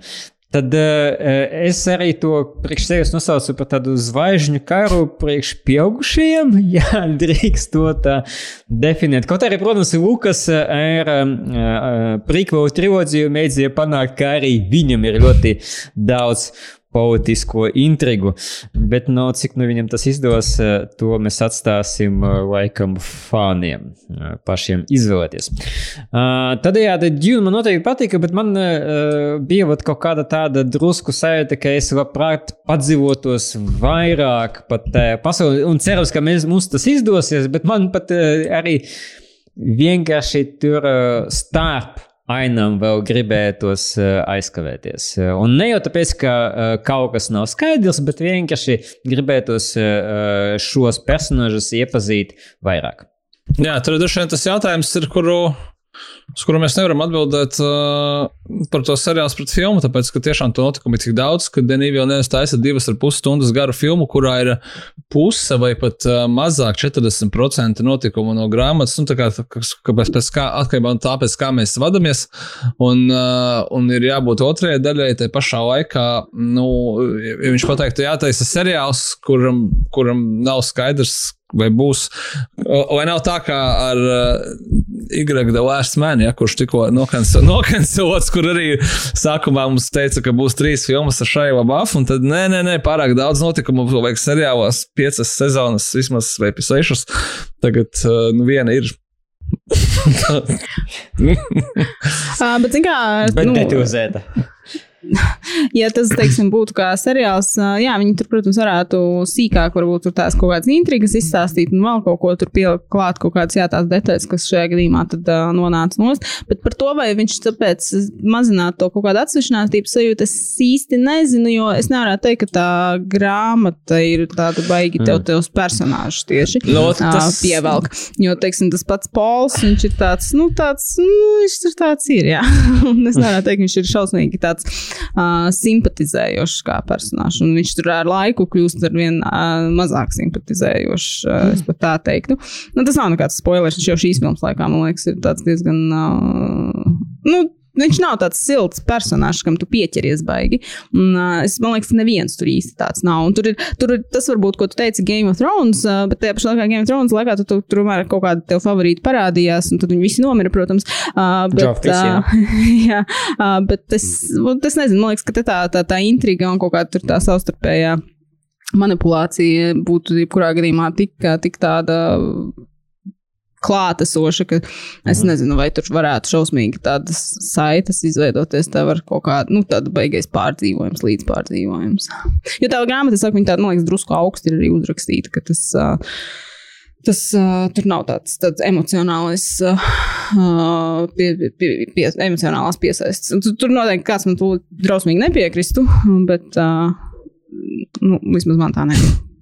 Vai tas, ko mēs runājam, ka tas pats pamata stāsts, viņš tā kā diezgan vienkārši ir tāds, tad, nu, par to Atreidis, un varbūt tieši tā, ka viņu pārliekot seriāla formātā, viņš kā, kaut kur kā pazustu. Skaidrs, ka viņš ir garāks nekā divstundīga filma, un, bet viņš nav īsti līdz galam. Tā kā tur seriāls ar vairākām sezonām, un, un tad tas būtu kaut kā baigi, baigi jāpārtaisa un jāpārveido un tā. Uh, es, es atceros vēl vienu no cilvēkus, kas šādi, nu, kuriem bija šāda dilēma, un tie ir uh, Rons Hovards un Brians Greizers un Stevens Kings, kuriem bija Dark Tower ar septiņām grāmatām, kur viņi teica, ka pirmā, trešā un pēdējā būs filmas, un pa vidu būs seriāli, jo viņi reāli bija izpētījuši, kura grāmata dara labākā filma, kura grāmata dara labākā seriāls, un, un uh, atraduši tur, tur Javiers Bardēms un Rasels Kraus un prīkvelos viņam citus uh, flashback aktierus seriālam. Un tad uh, Sonija pateica, labāk uztaisim 90 minūtīgo filmu un paskatīsimies, kas notiks tālāk. Un turpinājums, saka, jums ir visiem labi zināms. Vai arī nav, ja nav, tad ļoti labi, ka tā vēl pat labāk nekā ir. tā kā nu, ir tā, ir, ir pagrūti ar tām grāmatām, šiem nojojām. Ko ar viņām darīt? Tāpēc viņi mēģina. Dažreiz tu filmē, teiksim, seriālu un gaidi, ka autors eh, izlaidīs pēdējās divas grāmatas, un tad nesagaidi, teiksim. Tā tāpēc, tāpēc Hauvuda vairāk tomēr pagaidām pieturās pie tām grāmatām ar bildītēm un tiem burbuļiem ar dialogiem. Tie kaut kā ir aizgājuši vismaz plus-mínus normāls izdodas. Nu, bet runāšu arī par ko es labu noskatījos, un man Kategorija ir beisbols. Neskatoties, man sausies vesels trīs filmas par beisbolu. Sākšu ar 93. gada filmu The Sandlot, kuru es ieslēdzu, tāpēc, ka gatavojoties arī filmu, kuru, kurai mēs gribētu producēt, tad nu, noskatīties vēl kādas ir bērnu filmas par komandām. Un, un viena no viņām topos pavīdi tieši šī 93. gada Sandlot. Un stāsta par jauno Čauīti Skotu, nu, cik nu, kaut kādi 12 gadi, jaunies pagalmā, kas pievienojas bērniem, kas spēlē beisbolu. Un tad sižets ir ļoti vienkārši. Viņa pazaudē bumbu, kas piederēja Skota patēvam un kas bija ar autogrāfu un, uh, Babe Ruth. Uh, un uh, pazaudēja blakus pagalmā, kur mīt milzīgs monstrs. Un tad viņi pusi no filmas cenšas to atgūt atpakaļ. Uh, filma ir. No filma man nepatika. Un nepatika vairākos līmeņos. Uh, sākas jau ar cheesy voiceover, bet uh, problēma drīzāk ir tas, ka nav īsti galvenajam personāžam arkas nekādas, kaut arī tā arka ir setapota, bet nekur nenovērt. Un, un tāpat bija arī nepadomāta sižeta līnija ar uh, Skota patēvu, kas viņu neakceptē, bet filmas beigās apmēram pateiks, nu, bija labāk pēc tam. Un nebija pateicis, kāpēc tieši bija labāk. Un vispār liekas, ka, ka tas konflikts starp viņiem ir daudz sarežģītāks un kam vajadzētu veltīt vairāk laika. Bet tas, kas man ir pārsteidz visvairāk, ir tas, ka filma bija rīktīgi seksistiska. Pie tam tā kā out of nowhere. Jo vienīgā meitene filmā ir objektificēta. Uh, Vendija, kura ir like 15, 16, strādā par glābēju peldbaseinā. Un pirmajā aina tiek paradīta ar to, to zoom vai, vai penning no, no kājām līdz augšai. Kamēr viņi ir peltkostīmā, laikam aizmirstot, ka viņi joprojām ir bērns. Uh, un tad ir uh, uh, sexual harassment bērnu līmenī.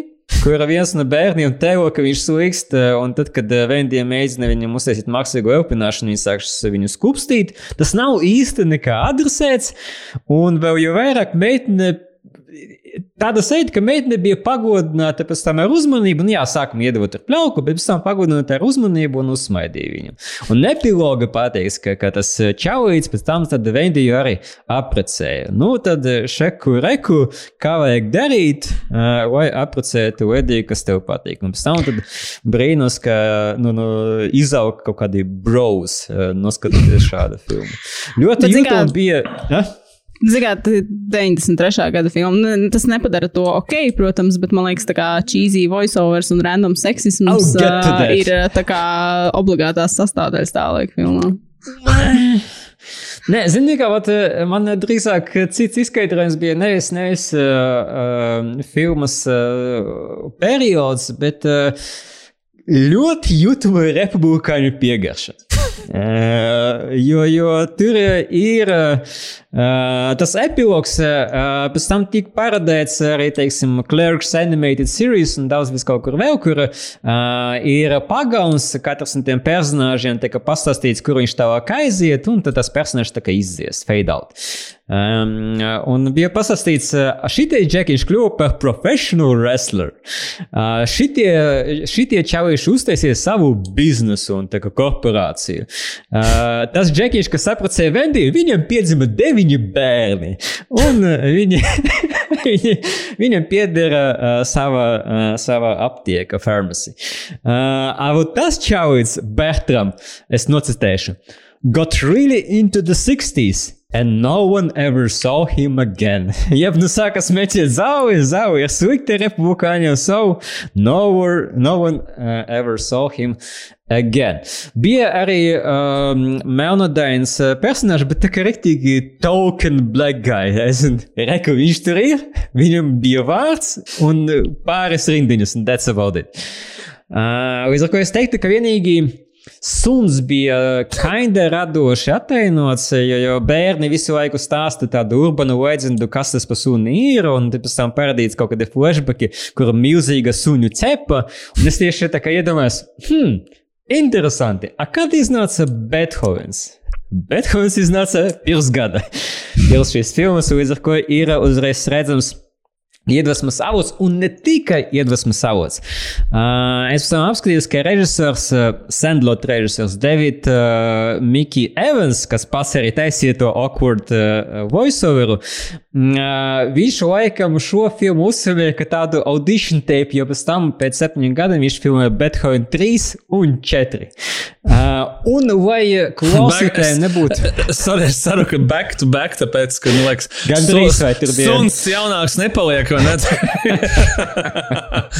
Tā pati problēma. Jā, Bet es aizskrēju, zini, kā vai, vai klausītāji tagad varbūt klausās uz telefonu un, un uh, neiet uz Rotten Tomatoes, lai saprastu, kā, un tad uh, Davidam Gaja filmu 3 un 4. Rotten Tomatoes savu filmu ir 0%. So, Viss vēl priekšā? švaki. Jā. Nē, nu, zini, kā tur Rotten Tomatoes, man liekas, ir vērts skatīties filmām sākot no kaut kādiem kuriem gadiem, kad, nu, kad internets jau I mean, Sure, bet Jo, nu, tāpēc, ka ne vienkārši- 0%. Kurš uh, tur, nu, tā kā, tu, tur ir aktīvi jāiet un jāliek tās recenzijas Jā. iekšā. Tas, tas, tas, tas, tas tāds kā joks, protams, bet uh, es to baigi nopietni uztveru. Lai to noskalotu, es savukārt pēc tam noskatījos uh, vēl vienu filmu, kas bija Bad News Bears no 1976. gada. Un Nevis kur- remake. Nevis remake uh, no Wikipētera. Um, Walter Mato, kuru es personīgi kopš bērnības pazīstu kā Mr. Wilsonu no filmas Dennis the Menace. Man bija kasete, es viņu skatījos ļoti daudz. Un es tikko arī noskatījos vēlreiz, pēc tam, kad noskatījos Bad News Bears. To pašu kaseti, Matos- es ceru. Nē, kas tad, diemžēl? Nē, laikam ir kaut kur, es ceru. Vajag pamakot. Bet man tā, es skatījos tagad uh, angļu versiju, un bija ļoti neierasti neredzēt to krievu dubložu, kuru man tik ļoti iejūtas atmiņā. Tik ļoti, uh, ka ir viens konkrēts citāts krievu dubāža, kuru mēs izmantojam ar māsu, bet kuru laikam neviens cits nesaprot, no kuras filmas es tikai davaici, davaici, kad viņš dod pupiņu uh, karoti Kristoferam Voidam. Anyways, uh, diez vai kā, kā arī šī reference kādam skaidra. Uh, Walter Mato spēlē alkoholici bijušu beisbolistu, kuram paredzēts trenēt bērnu komandu, bet viņš tā kā vairāk tā kā atstrādā. Un pat nevienmēr atstrādā. Dažreiz viņš vienkārši liek bērniem tīrīt uh, basēnus, uh, kas ir viņa primāt, primārais, uh, primārais darbs. Uh, bet tad sāk vest savukārt komandu līdz uzvarai, kad viņš saprot, ka, cik ļoti svarīga, svarīgs šis sporta veids pašiem bērniem. Un savukārt 76. gada filma bija pārsteidzoši progresīva. Ir īpaši salīdzinot ar Sandlotu. Jo, ja Sandlot ir Black Token guy, tad šeit viņš ir ne tikai dzīves personāžs, viņš arī palīdz galvenam personāžam, uh, Misteram Buttermakeram, jeb Walteram Matevam, mainīties un saprast, uh, cik ļoti svarīga šī spēle ir priekš bērniem. Un te ir, uh, ja ar sendotu bija tā, ka ir citāts You play ball like a girl, tad šeit savukārt uh, ir meitene komanda un viņa spēlē labāk nekā čaļi. Te vienīgi tā valoda ir novecojusi, nu, tā gan ir uh, perioda relikvija. Bet visa, visumā man patika ļoti dramatiskā ērka ar pašu Misteru Buttermakeru. Un uh, tiešām sanāca ne tikai uh, gan jautra, light-hearted komēdija, sporta komēdija, bet arī uh, tāds uh, nopietnāks uh, dramatisks darbs. Ir tīpaši tāpēc, ka pats Walter Matovs uh, ļoti labi to nospēlē. Uh, nu, noslēdzot šito uh, triloģiju no beisbola filmām, es noskatījos Moneyball. Uh, lai lai uh, atgrieztos uh, mūsdienās un apskatīties uz beisbolu no otras puses. Un, ja nu kāds uh, par Moneyball nav dzirdējis, uh, tad uh, tā ir 11. gada filma no Benta Millera kas stāsta par komandas Oakland Athletics menedžeri, uh, par komandu, kurai nav tik daudz uh, naudas uh, sponsorēšana, līdz ar to labākus spēlētājus, kurus šī pati komanda atlasīja, izaudzēja, uztrenēja. Pēc tam, kad viņi kļūst skillful, tad pārpērk bagātākas komandas, līdz ar to pašu Oakland Athletics pielīdzina kā uh, donoru vienkārši reku atdodam sev uh, sirdi, atdodam plaušas, atdodam tā tālāk.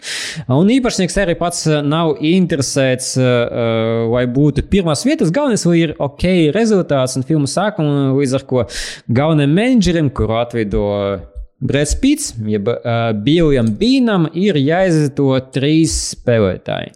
Un Biljs Bīns kopā ar Yale ekonomikas fakultātes absolventu Pīteru Brentu lielisks Džona Hill, meklēt citu pieeju, kā uz šīs naudas uh, savukārt salasīt veiksmīgu komandu. Pielietojot tādu instrumentu kā statistika un Excel. Ļoti patika, līdz ar to šoreiz filmu. Es nezinu, man uh, pagājušajā reizē, kad es skatījos, kad filma iznāca, ja pirms desmit gadiem kaut kā, laikam es neiejutos tik ļoti sarkana scenārijā, un šoreiz es to izbaudīju stipri vairāk.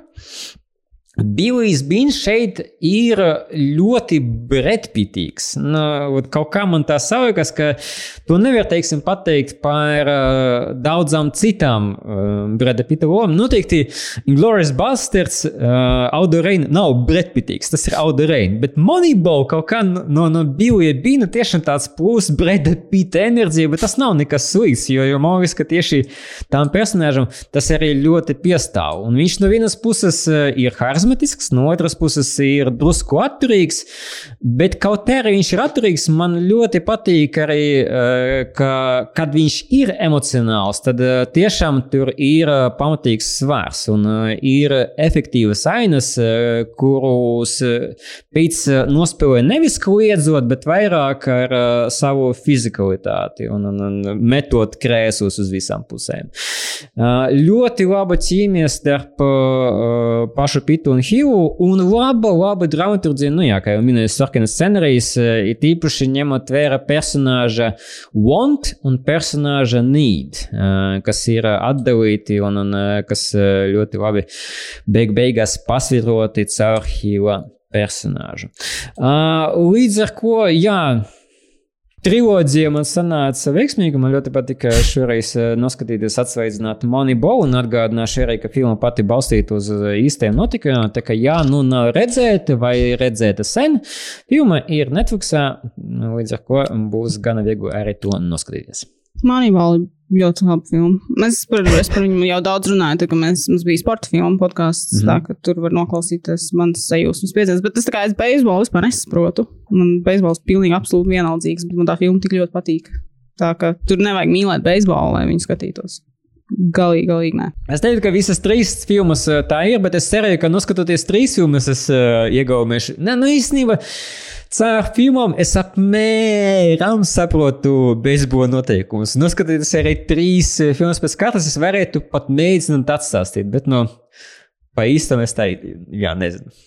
Ļoti daudz terminu. O, es uzsveru ļoti, ļoti interesantu un savādu filmu, uh, kuru uh, ir iespējams, vai bija iespējams nostīties Rīgas uh, starptautiskā kinofestivālā vienā sēncē.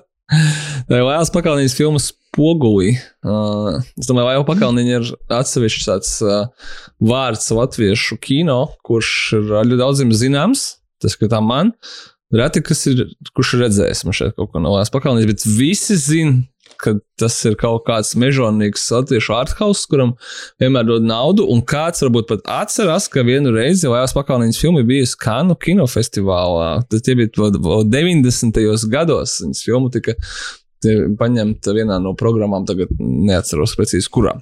Bet kopš tā laika man šķiet, ka Pakalniņas vārds ir tāds kā krieviski pareizsardzība būs nezidaķiļnī, nu, kad kaut ko mēģina nosaukt, ka, ģipa, kāpēc, kāpēc Latvijas kino viss ir slikti, tad saka, nu, tad sat, dod visu naudu pakalniņai, viņa filmē nezinu ko, nekas, ne, tas neinteresē, nes tam neskatās, un kaut kā tā.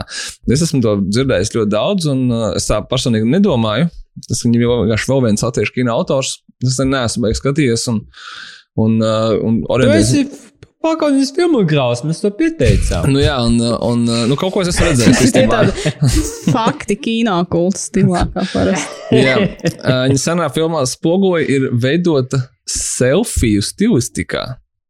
Uh, selfiju stilistikā tas nozīmē, ka viņi ir, uh, nu, tā kā ja mēs filmējam selfijas, īstenībā kaut kā baigi interesanti, ka viņi ir uzķēruši, nu, respektīvi, ar to domāju, filmas autors, viņi filmēja mums šeit pirms kādiem gadiem, diviem, trim vismaz, uh, tas, kad selfija varbūt bija vairāk vēl, vai tomēr kā, kā bildes, kā pašiņi, kā fotografijas. Tagad, teiksim, nu, teiksim TikTokā ļoti daudz kas tiek filmēts un, un Instagram storijos un tā tālāk. Skaidrs, ka tas video ar izstiepto roku un tevi pašu, tas vairāk ir, kā, manuprāt, kā tomēr video, nekā nu, mums jau asociējās vairāk ar kā video. Līdz ar to filma ir tieši, tieši tā arī uzfilmēta. Tad īstenībā tas ir uh, Latvijā ne tik ļoti izplatītais žanrs, mūsdienu grāmatas adaptācija, jeb šis stāsts par sniegu baltīti, kas ir pārnests uz mūsdienām, kur ir ka, ka, ka, karaus un karaliene ļaunā pamāte, pati sniegbaltīt un septiņi rūtīši, tikai ticiet vai nē, bet pārnests uz crossfita pasauli. Nu, tad, tas crossfits tur tā, nu, tas nav tā nav filma par crossfitu, bet tur tā kā tā interesanti, jā, kad, tur, kad, kad ļaunā karaliene, piemēram, ir uztaisījusi 50 burpees, un tad viņi negriboja sniegotīt pārspēt to. Tas izklausās, nu, tikai iedzīgāk nekā tas, nu, ir īstenībā iedzīgāk nekā izklausās, tāpēc, ka, nu, skaidrs, tā ir tāda mākslas, nu, tā kā ļoti, ļoti mākslas, jo viņi ir melnbalta, viņi nebūs tā kā uzfilmēta tā kā selfie. Jā, arī netika, ka viņi ir melnbalta, tas bija skaidrs, ka tu pateici, ka ir jau pakalni. selfie stilā, kas tā kā ļoti moderni, kas tā kā, nu, līdzīgi kā pateikt, piemēram, found footage, to, oh, nu, ķipa kaut kas tā kā jauns, tā kā svaigāks un tāds. Pašlaik viņi ir melnbalts, un tur tāds, nu, tāds, kad daudz aktieri, kas viņi tā kā sāk filmēt, iefilmēt to savu pašiņu, tad viņi tur 5 minūtes izpaužās uz kameru. Un uh, īstenībā krūt, krūt, krūt uztaisīts. Bet ir nu, tāda ļoti, ļoti liela māksla. Šajā ziņā, kad man liekas, ka apakālī nav, nav pagaidām vēl spērs to soli pretīm mainstream skatītājiem. Pat ja tā kā forma noteikti ir pietuvojusies kaut kam, ko zina varbūt vairāk jaunāki skatītāji, tad uh, saturiski tur tomēr tas ir tāds vai mākslas darbs, kas ir nebaidās būt brīžiem absurds un tur, nu, kā, nereālistisks un, un tā. Bet tas nekas. Es domāju, ka uh, nāks tuvāk tā filma, tad varbūt izdomāsim. Es nezinu, ka viņi iznāk. Viņai kaut kāda ir. Bija jāiznāk jau šogad, bet kurš tad tagad vairs zina, kas būs? Jā, tas gan. Tas gan. Uh, man bija triggeri, ka es paskatījos, ka man Netflix uh, MyList, uh, mans watchlists ir baigi garais, un tad sāku kaut ko no tā skatīties bez uh, cita saraksta. Man cienīgais saraksts šoreiz bija Netflix saraksts. Un es tur gāju cauri, un es uh, sāku kļūdaini ar uh, filmu, ko es nekad nebiju redzējis, Devil's Advocate ar Oh! Al Pacino un Keanu Reeves. Jā, tā filma ārkārtīgi nepatika. Nu, Ok. viņa bija tā, viņa, tā ir viena no tādām- filmām, kas, nu, pēc kuras, kad viņi nosties, tas tā noteikti domāts, bet tas nenozīmē, ka es jau kādā veidā to izbaudīju, ka, nu, ka tu jūties pretīgi pēc tam, ka tev tā, hmm. ah, nu, tā kā viss slikti, un nu, tā kā cilvēki ir briesmīgi, cilvēki ir pretīgi. Un, uh, Tas noteikti tā ir nu, domāts. Nu, tas tā ir domāts, jā, bet tā, kā, nu, tas ir tas gadījums, kad, diemžēl, tā, tā, tā sajūta man arī pārnesās uz to, kā es pati jūtos. Un ir tāds, ah, nē, es paldies, negribu to skatīties. Uh, Kianu, mēs šito jau kaut kad arī podkāstā reiz runājām, lai viņš man piedod, uh, bet viņš, nu, viņš nav beigas labs aktieris. viņš cenšas, bet, nē, nu, viņš, kā, viņš, ir, viņš ir interesants un tā, un viņam ir tā kā sava niša, kurā viņš ir ļoti lielisks, teiksim, nu, tas pats Džons Viks un tādas lomas, bet uh, viņš nu, tāds nav labs aktieris. Ja sevišķi viņam blakus ir Alans Pacino, kurš tur ir tādā, nu, tādā Ala Pacino totālākajā, augstākajā pakāpē brīžiem, ir sevišķi uz filmas beigām. Nu, tur tā, jā, viņam grūti iet reizēm, bet, nu, jā, tā filma tad, nu, viņa. Viņa baigi tāda nu, nepatīkama un ļoti tādas derdzīgas lietas notiekās. Un, un, un tāpēc jā, tā nav stāsts, pie kā es atgriezīšos. Bet, nu, uh, jā, tad, tad kaut kādas interesantas lietas tur bija, bet es saku, tā, tā, tā nav patīkama pieredze. Un, uh, viņa ļoti ātri aizlidoja no manas watchlist. Uh, neko baigi daudz, es laikam tur pat vairs uh, negribu par viņu domāt. Uh, bet pēc tam es noskatījos kaut ko krietni foršāku. Es noskatījos beidzot uh, Stevena Soderberga High Flying Bird, uh, kas viņam bija Netflixā iznākusi pirms kāda laika, pirms sanāk, diviem gadiem vai, vai, vai, vai kad sanāk. Uh, diviem gadiem, laikam. Uh, par basketbolu, kas stāsta, atkal tur tā, ka nu, viņi šausmīgi ātri runā un šausmīgi daudz kaut ko tur organizē uh, un ņemās, jo tur tā kā filmas uh, darbība norisinās NBA lokauta laikā, un tad viņiem, uh, nu, tur fiksi vajag naudu un visu vajag fiksi pēc iespējas ātrāk, jo tad uh, sporta aģents, kur atveido Andrē Holands, nu, citādi viņam tur būs firmā slikti. Ar klientu tur jāstra, jāstreidās, un nu, būtībā visu vajag pēc iespējas ātrāk atrisināt, lai visi var atgriezties pie spēlēšanas un naudas krāšanas. Un tad viņš tur tā viltīgi izmanipulē. Tur ir kaut kas tajā filmā, no tāda gandrīz tāda oceana stila, kas, mm protams, Sodarbergam baigi labi padodas, kā mēs ļoti labi zinām. Bet tas nav tāds klasiskais oceans, bet kaut kāda elementa tur ir. Viņi visi ļoti ātri runā, viss tā fiksi veikli notiekās, nu, ka līdzīgi kā tajās haista filmās, kad tev beigās tāds prieks, oh, nu, re, kā viņiem viss šī schēma, protams, uh, ideāli sanāca, jo, nu, tas ir tas, ko tu sagaidi. Uh, atkal tur, jā, nav jābūt kaut kādam beigam basketbola fanam, lai to izbaudītu, jo atkal kaut kāds aizkulisas tur, uh, nu, faniem tas viss noteikti, viss uh, daudz nozīmēs un izteiks, bet, uh, Nu, es tik ļoti arī nesakoju kā, kaut kādām viņa peripētiem līdzi. Uh, brīžiem tur būtu kā tur nu, apmaldies tajās uh, schēmās, bet uh, tajā pašā laikā tu, tu, tu zini, ka tevi viss uh, šis stāsts izvedīs aiz rociņas uh, beigās. Uh, līdz patīkamam noslēgumam, kas arī tāds bija. Uh, Šī arī bija viena no tām filmām, ko Soderbergs uz iPhone filmēja. Un uh, īsnībā tu nu, atkal to ne, nekādā veidā nepateiksi. Nu, tas tā kā, kā, kā nu, ne gluži kā prikols, bet uh, par to vienkārši runā vairāk nekā reāli tas tev ietekmē kaut kādu skatīšanos. Uh, bet jā, tur ļoti forši Andrei Hollands, viņu vienmēr mm, interesanti un patīkami vērot. Un, un, un tāds, uh, nekas tāds baigas smags un sarežģīts, bet tāda viena no tām saktām Soderberga filmām, ko tu nosties, tu viņu varbūt šausmīgi ilgi neatcerēsies, pēc tam tā varbūt nav viņa kaut kāda tāda iespaidīgākā filma vai kā, bet uh, tu esi labi pavadījis laiku un uh, nejūties slikti, kā, kā pēc The Devil's Advocate. tā kā tas, bija tāds patīkams uh, pārmaiņu brīdis. Un tad es noskatījos filmu, ko es nebiju redzējis, Salī, uh, Klinta Īsla režijā, mm. stāstu par šo uh, slaveno gadījumu, kad kad uh, Ņujorkā Hudzons upes vidū nosēdās uh, pasažieru lidmašīna pēc tam, kad uh, viņai bija tajos dzinējos ietriekušies putni, uh, dzinēji bija apstājušies un viņi nespēja atgriezties lidostā un nu, nebija citur īsti, kur likties, un uh, tad nosēdās uh, upes vidū. Uh, tas, nu, tas stāsts visiem baigi labi zināms, un tāpēc, ka, tad, kad tu skaties filmu, tu, protams, zini, nu, ā, tu zini, ka viss beidzās labi, tāpēc, ka viņi visi tur jau ir, jo tā, tā filma ir kā rādīta, nu, postfaktum, kad uh, viņi pēc tam izmeklē, kā tas viss tā varēja gadīties, un vai tur varbūt īstenībā nebija kaut kāda tā pilota vaina, ka viņš varbūt varēja atgriezties uh, lidostā, tomēr nevis veikt šādu uh, šokējošu varoņu darbu. Nu, tu zini, kā, ka, ka viss bija ok, ka tur nevienam nekas nenotika, jo tas bija visās ziņās arī izstāstīts, un tāpatās uh, vienalga, ka tu skaties tomēr, jo viņi attaino arī šo notikumu, protams, tu jūti to kaut kādu spriedzi nenormālo, mm -hmm. kā, nu, tu zini objektīvi, ka, jā, ka visiem būs ok, ka tur, nu, kas tur trakāk labākais, kas tur bija. Cik es atceros, laikam, ka nu, kaut kādas tur kājas bija dažiem lausas. Nu, tas, protams, nav forši, bet, nu, salīdzinot ar to, kas varēja notikt, kāda tā traģēdija varēja jā, izvērsties. Tas ir, nu, tāds... arī pateicis, ka nav forši, ja kājas lausas. jā, jā, jā. Nē, nu, tā kā relatīvi, atkal, protams, salīdzinot ar to, kas, kas, kas kādas jā, tur jā, drausmīgas dzīvības zaudējums varēja notikt, tad, nu, tad, tad tas ir tāds salīdzinoši mazs, mazs uh, upuris, ko nest. Uh, nu, jā, bet par spīti tam, jā, tu kā skaties, un kad viņiem, nu, tur būs, tur pasaka, ka tur brace for impact, ir tāds, ah, nu, nu, ļoti interesanti, vai viņiem sanāks vai nē. Nu, tu, jā, kā kaut kur tev prātā apziņā paliek, ka, ka, protams, sanāks, bet tā filma ir gan efektīva. Tomēr īstenībā ir pamanījies to visu salikt kopā mhm. par spīti tam, jā, ka tu zini, kā tas būs, ka tev ir tomēr interesanti, tev ir tā spriedze. Un tas viss ir tā ļoti forši salikts kopā. Tad ļoti klasiska filma. Tur kā nav nekas tāds wow elements. Nu, tāds, kā, kā, kā īstenībā taisās nu, tādas augsti profesionāls, varbūt nevienmēr super uh, oriģināls, bet tajā pašā laikā labi strādājošas filmas. Nu, viņam vienmēr arī nevienmēr tas sanāk, bet šī ir viena no tām, man liekas, viņa veiksmēm. Palīdz, protams, ļoti tas, ka galvenajā lomā ir Toms Hanks. Viņš ir tādā rīktīgā Toma Hanksa kārtējā reizes formā. Tikai ar pilnīgi, pilnīgi baltiem matiem. Uh, bet viņš ir tāds, kā Toms Hanks, uh, kad uz viņu skaties. Uh, tev ir tāda, tev pārņem atkal tāda drošības sajūta, nu, ka tas ir Toms Hanks, un tur viss būs ok, viņš par tevi parūpēsies. Uh, un, Man tad uh, reku, ir arī uzreiz zūd ticamības moments, kad viņi domā, ka, ka Tom Hanks ir kļūdījies. I mean, tas ir Toms Hanks. Nu, Nē, nu tieši tā, jā, tu zini, ka viņa sirds taču bija īstajā vietā, nu, ka, tur, ka, ka, ka viņš darīja visu, ko viņš varēja. Nu, kā jūs varat neticēt tam, ko viņš saka? Um, bet, nu, protams, ka spoiler alert, viņam ir taisnība, ka tas bija vienīgais veids, kā tur akšalī to problēmu varēja atrisināt un tā. Un, uh, un tu zini, zini, ka Toma Henksa sirds ir šķīsta un laba. Un tad, jā, bet, bet jā, nu, saku, viņš ir cilvēks, kuram tu uzreiz uzticies, ka tu viņu redzi, un tā ir tā Toma Henksa tāda kvalitāte.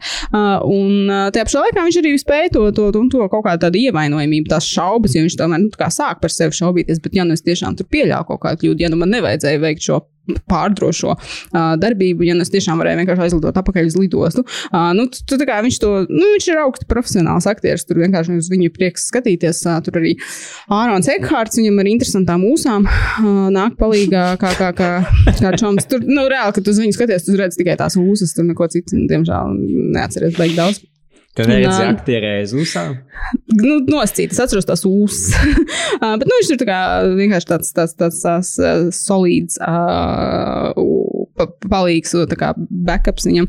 Uh, jo nu, tas būtībā tomēr Toma Hanksa šovs, viņa, viņa, viņš ir tur centrā visam un dara to ļoti labi. Tā kā es kaut kā, es, jā, es nezinu, kāpēc viņi neaizgāja toreiz kinoteātrī noskatīties, kaut kā tur palaidu garām. Uh, Un tad es viņu tagad noskatījos, jā, Netflixā vienkārši, ka viņi tur bija. Un es biju tiešām patīkami pārsteigts, es viņu skatījos, es domāju, tāds, ah, nu, man būs garlaicīgi, tas aiziešu gulēt, un tad pabeigšu kaut ko vēlāk. Bet es viņu tiešām visu tajā vakarā arī pabeidzu. Mm -hmm. Un, un, un nevienā brīdī man pat negribējās pauzēt, iet kaut kādu kafiju, taisīt kaut ko. Es tiešām kaut kā īstenībā ievilka mani tajā visā stāstā iekšā. Es saku par spīti tam, ka, ka it kā, nu, tu jau visu to zini. Tā ka, nu, to ir jāmāk, jo reizēm ar šiem patiesiem stāstiem ir kaut kāds tas, nu, tev jāatrod sāļas, kāpēc tu viņu stāsti, kāpēc viņi lietas uz tā lielā ekrāna, un kāpēc liec cilvēkiem to visu skatīties.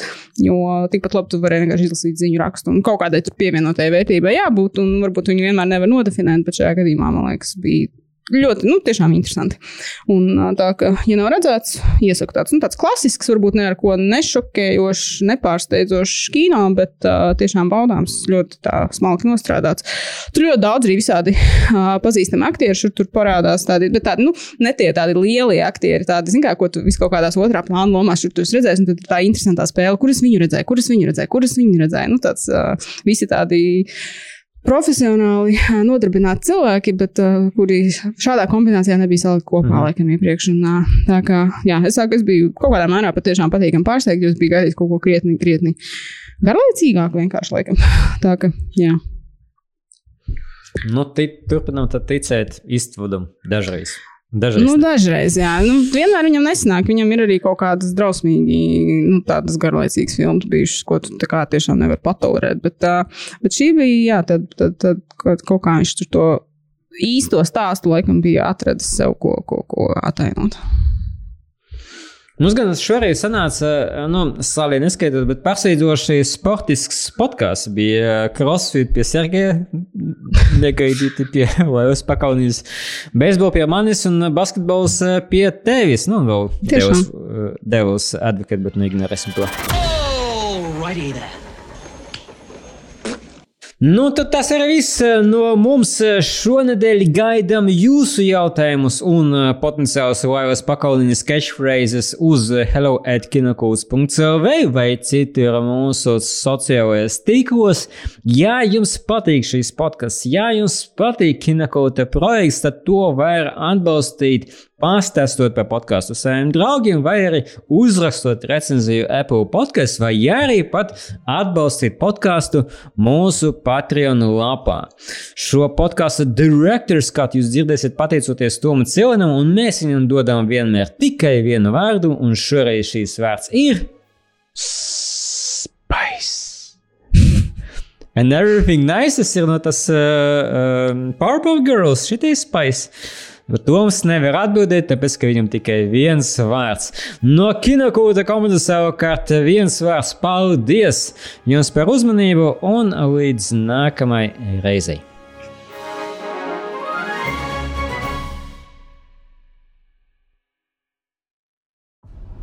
The test is simple. Remove your hand from the box, and you die. What's in the box?